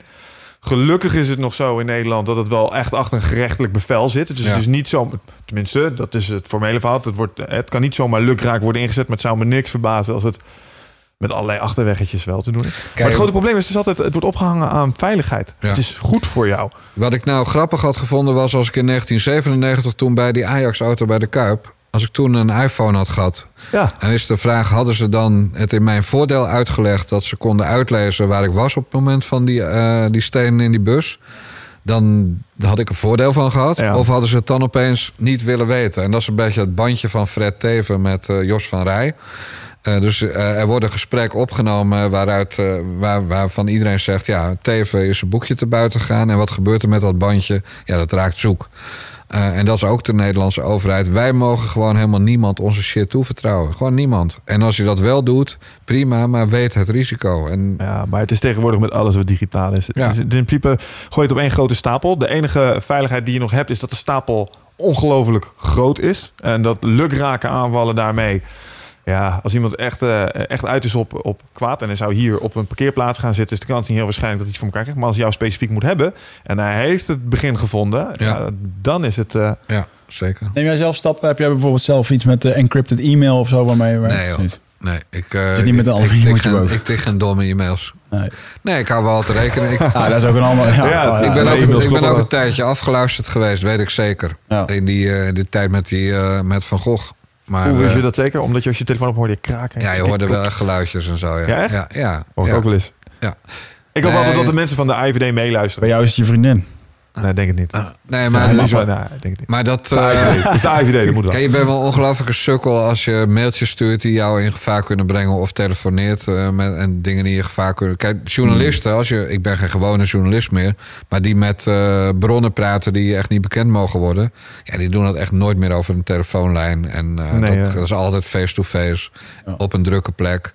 Waar ze moeilijk afgeluisterd. Je bent gewoon dom als je, als je daar geen rekening mee houdt. Niemand kan je vertrouwen. Moet je, dan is het niet dat je dan een alu, aluhoedje bent. Nee. Het is gewoon dom om eh en domme mailtjes Ja, sturen. maar oh, het feit dat je paranoia bent wil niet zeggen dat niemand je volgt. En het feit dat je niet begonnen Nee. bent wil niet zeggen dat je geen kanker hebt. Dus eh, Nee, maar bijvoorbeeld één, één iemand die mij heel erg lastig viel op... eh, en ook mijn kinderen via Twitter...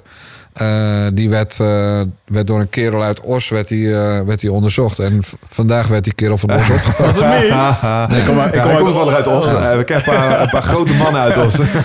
Maar er, er was zeg maar zo'n jongen die heel handig was met, met, met het achterhalen van waar IP-adressen echt zaten. En die, die ging mij zitten mailen over dat hij die gast die mij steeds lastig viel, dat hij daar alles van wist. Ja, dan zeg ik alleen maar, oh mooi en bedankt en fijn. Maar dan ga ik echt niet zeggen van... eh, Geef me hier. kan er iets... Nee, en die gast is twee dagen geleden weer opgepakt. Eh, omdat dat hij nou eenmaal een slechte reputatie heeft met, eh, en niet alles netjes doet. Ja, daar wil ik gewoon geen last van gaan krijgen. Dus je moet, al- als je geen twintig meer bent en je hebt wel, wel eens wat meegemaakt... dan moet je gewoon weten eh, hoe je met iedereen omgaat... en je niet inlaten met foute mensen. Ja. Ja. Ja, Wat vind jij van... eh, want we kennen natuurlijk ook wel een beetje de, de geen stijl filmpjes... eh, waarbij, eh, waar ik soms wel eens filmpjes voorbij zie komen van jongeren en social media... waarbij iemand zijn leven eigenlijk gewoon ter plekke gewoon gelijk vernacht wordt. Je weet dat mensen hier last van gaan krijgen in de toekomst. Ja, maar het zijn wel twee verschillende dingen. Wordt hun leven nou vernacheld of krijgen ze er even last van? Ja, ja, waar ligt de Nou ja, grens? laat ik het zo zeggen. Er zijn, er zijn filmpjes waarbij iemand eh, uit de directe omgeving besloot... dit is hilarisch om dit op het internet te zetten. Op zo'n Ja. moment eh, kan die persoon ook denken... nou, Nee, dat klopt. Ik heb, eh, ik heb ook het boek geschreven met Fedra Werkhoven samen Social Media Bijbel voor Kinderen. Eh, waarin we eigenlijk voor de ouders en kinderen in de puberleeftijd vooral duidelijk maken wat je wel en niet op social media moet doen. Ja. Heel veel van die dingen, die, die fout begint bij de mensen zelf. Als anderen het filmen, dan zit de wet ertussen. Dat mag gewoon niet verspreid worden dan. Eh, kijk, ik vind dat het nuttig moet worden ingezet. Dus wordt het ingezet om een overvaller te pakken... wat Oh ja. formeel ook niet mag... Mhm. eh, dan ben ik daar erg voor. Wordt het ingezet om een meisje dat bij Dave Roelvink in de hot tub zit... eh, voor schut te zetten, dan vind ik het heel slecht dat het gebeurt. Maar dat mag ook niet. Ze wordt dan ook tegen opgetreden. Ja. Ja, Kijk, je, moet, eh, je moet weten dat je tegenwoordig bij alles wordt gefilmd en gefotografeerd. Dus ook daar moet je rekening mee houden. Ja, nou goed, ik ben dan nu 32, maar eh, pff, ik klap af en toe in mijn handjes dat ik eh, eh, die tijd heb gehad. Want als Had ik, als, mis kunnen als ik op mijn, ik, als ja. ik op mijn 15e, als wij toen het mobiele telefoon Ja. gebruiken en een filmpjes op de, op de 15 en 16, toen ik lekker op de MAVO zat en lag te klooien. En, eh, Ja, maar kijk Oh, nou, hoe oud waren we toen we op... wij, wij kennen elkaar van een vechtsportforum, mixfight.nl. Eh, toen we daar... eh, hoe oud waren we toen? Jaartje of 19, 20. hey joh, jonger nogal. Jonger, ja. Dan ging je ook als eh, jonge honden, was je comments aan het posten. Dat je echt dacht van, Ja. holy crap, ik, ik weet zeker dat het nog wel eens... Eh, vooral, want we hebben een paar database wipes gehad, gelukkig destijds. Maar daar stonden ook wel eens commentaar op. Of ik van nu achteraf dacht van, ja, daar kan ik nu echt niet meer achter Tuurlijk, staan, maar, weet je wel. maar echte videocontent waarbij, ehm, ja, inderdaad, zo'n meisje bij Dave Roelvink in, Ja. eh, dan is echt wel kloten als die ooit nog een keer gaat solliciteren. Ja, zo. Ja, maar aan de andere kant, weet je... eh, als zij gewoon zegt dat ze dat was meteen... dan kan je als aankomend werkgever... Dus zij- kan- je kan denken, dat wil ik niet. Maar je kan ook denken, goh, die mevrouw is eerlijk. Ja. Als ze het niet vertelt... en je komt erachter omdat een andere personeelslid... na drie weken zegt... hey, is dat niet het grietje van Roelvink? Ja, ja, ja. Ja, dan gooi je er in de proeftijd alsnog uit. Ja. Maar Of je bestelt een Ja. badkuip. Nee, maar goed. Ja, ik denk dat ik ook wel het bewijs ben dat het je ge- geen pijn doet als je stomme dingen doet in de media. Dus Mm. laat staan zo'n meisje dat dan eh, eh, ergens een administratieve functie krijgt. Maar uiteindelijk, ja, het is ook heel stom om bij zes gasten in, de, in je eigen huis in de hot tub te gaan zitten. Ja, toch? ja, maar op dat moment is er gedronken en is dat leuk. Ja, en is maar dat dan moet je niet veel drinken, dat, eh, denk ik dan. Ja, daar ben ik dan weer te simpel in waarschijnlijk. Ja. Maar- Maar, ja, maar de keerzijde vind ik van het verhaal, als ik mensen thuis uitnodig, dan ga ik even vanuit dat ze hun camera gewoon even uit Ja, laten zeker. staan. Ja, Zeker in zo'n setting vind ja, ik dat gewoon het zijn wel de eigen vrienden die dat doen, hè? Ja, dat is waar. Ja, ja, vrienden. Nou ja, slechte vrienden, maar die kiezen, die kiezen toch wel zelf uit. En ze heeft er ook waarschijnlijk wel van genoten, ja. Ja.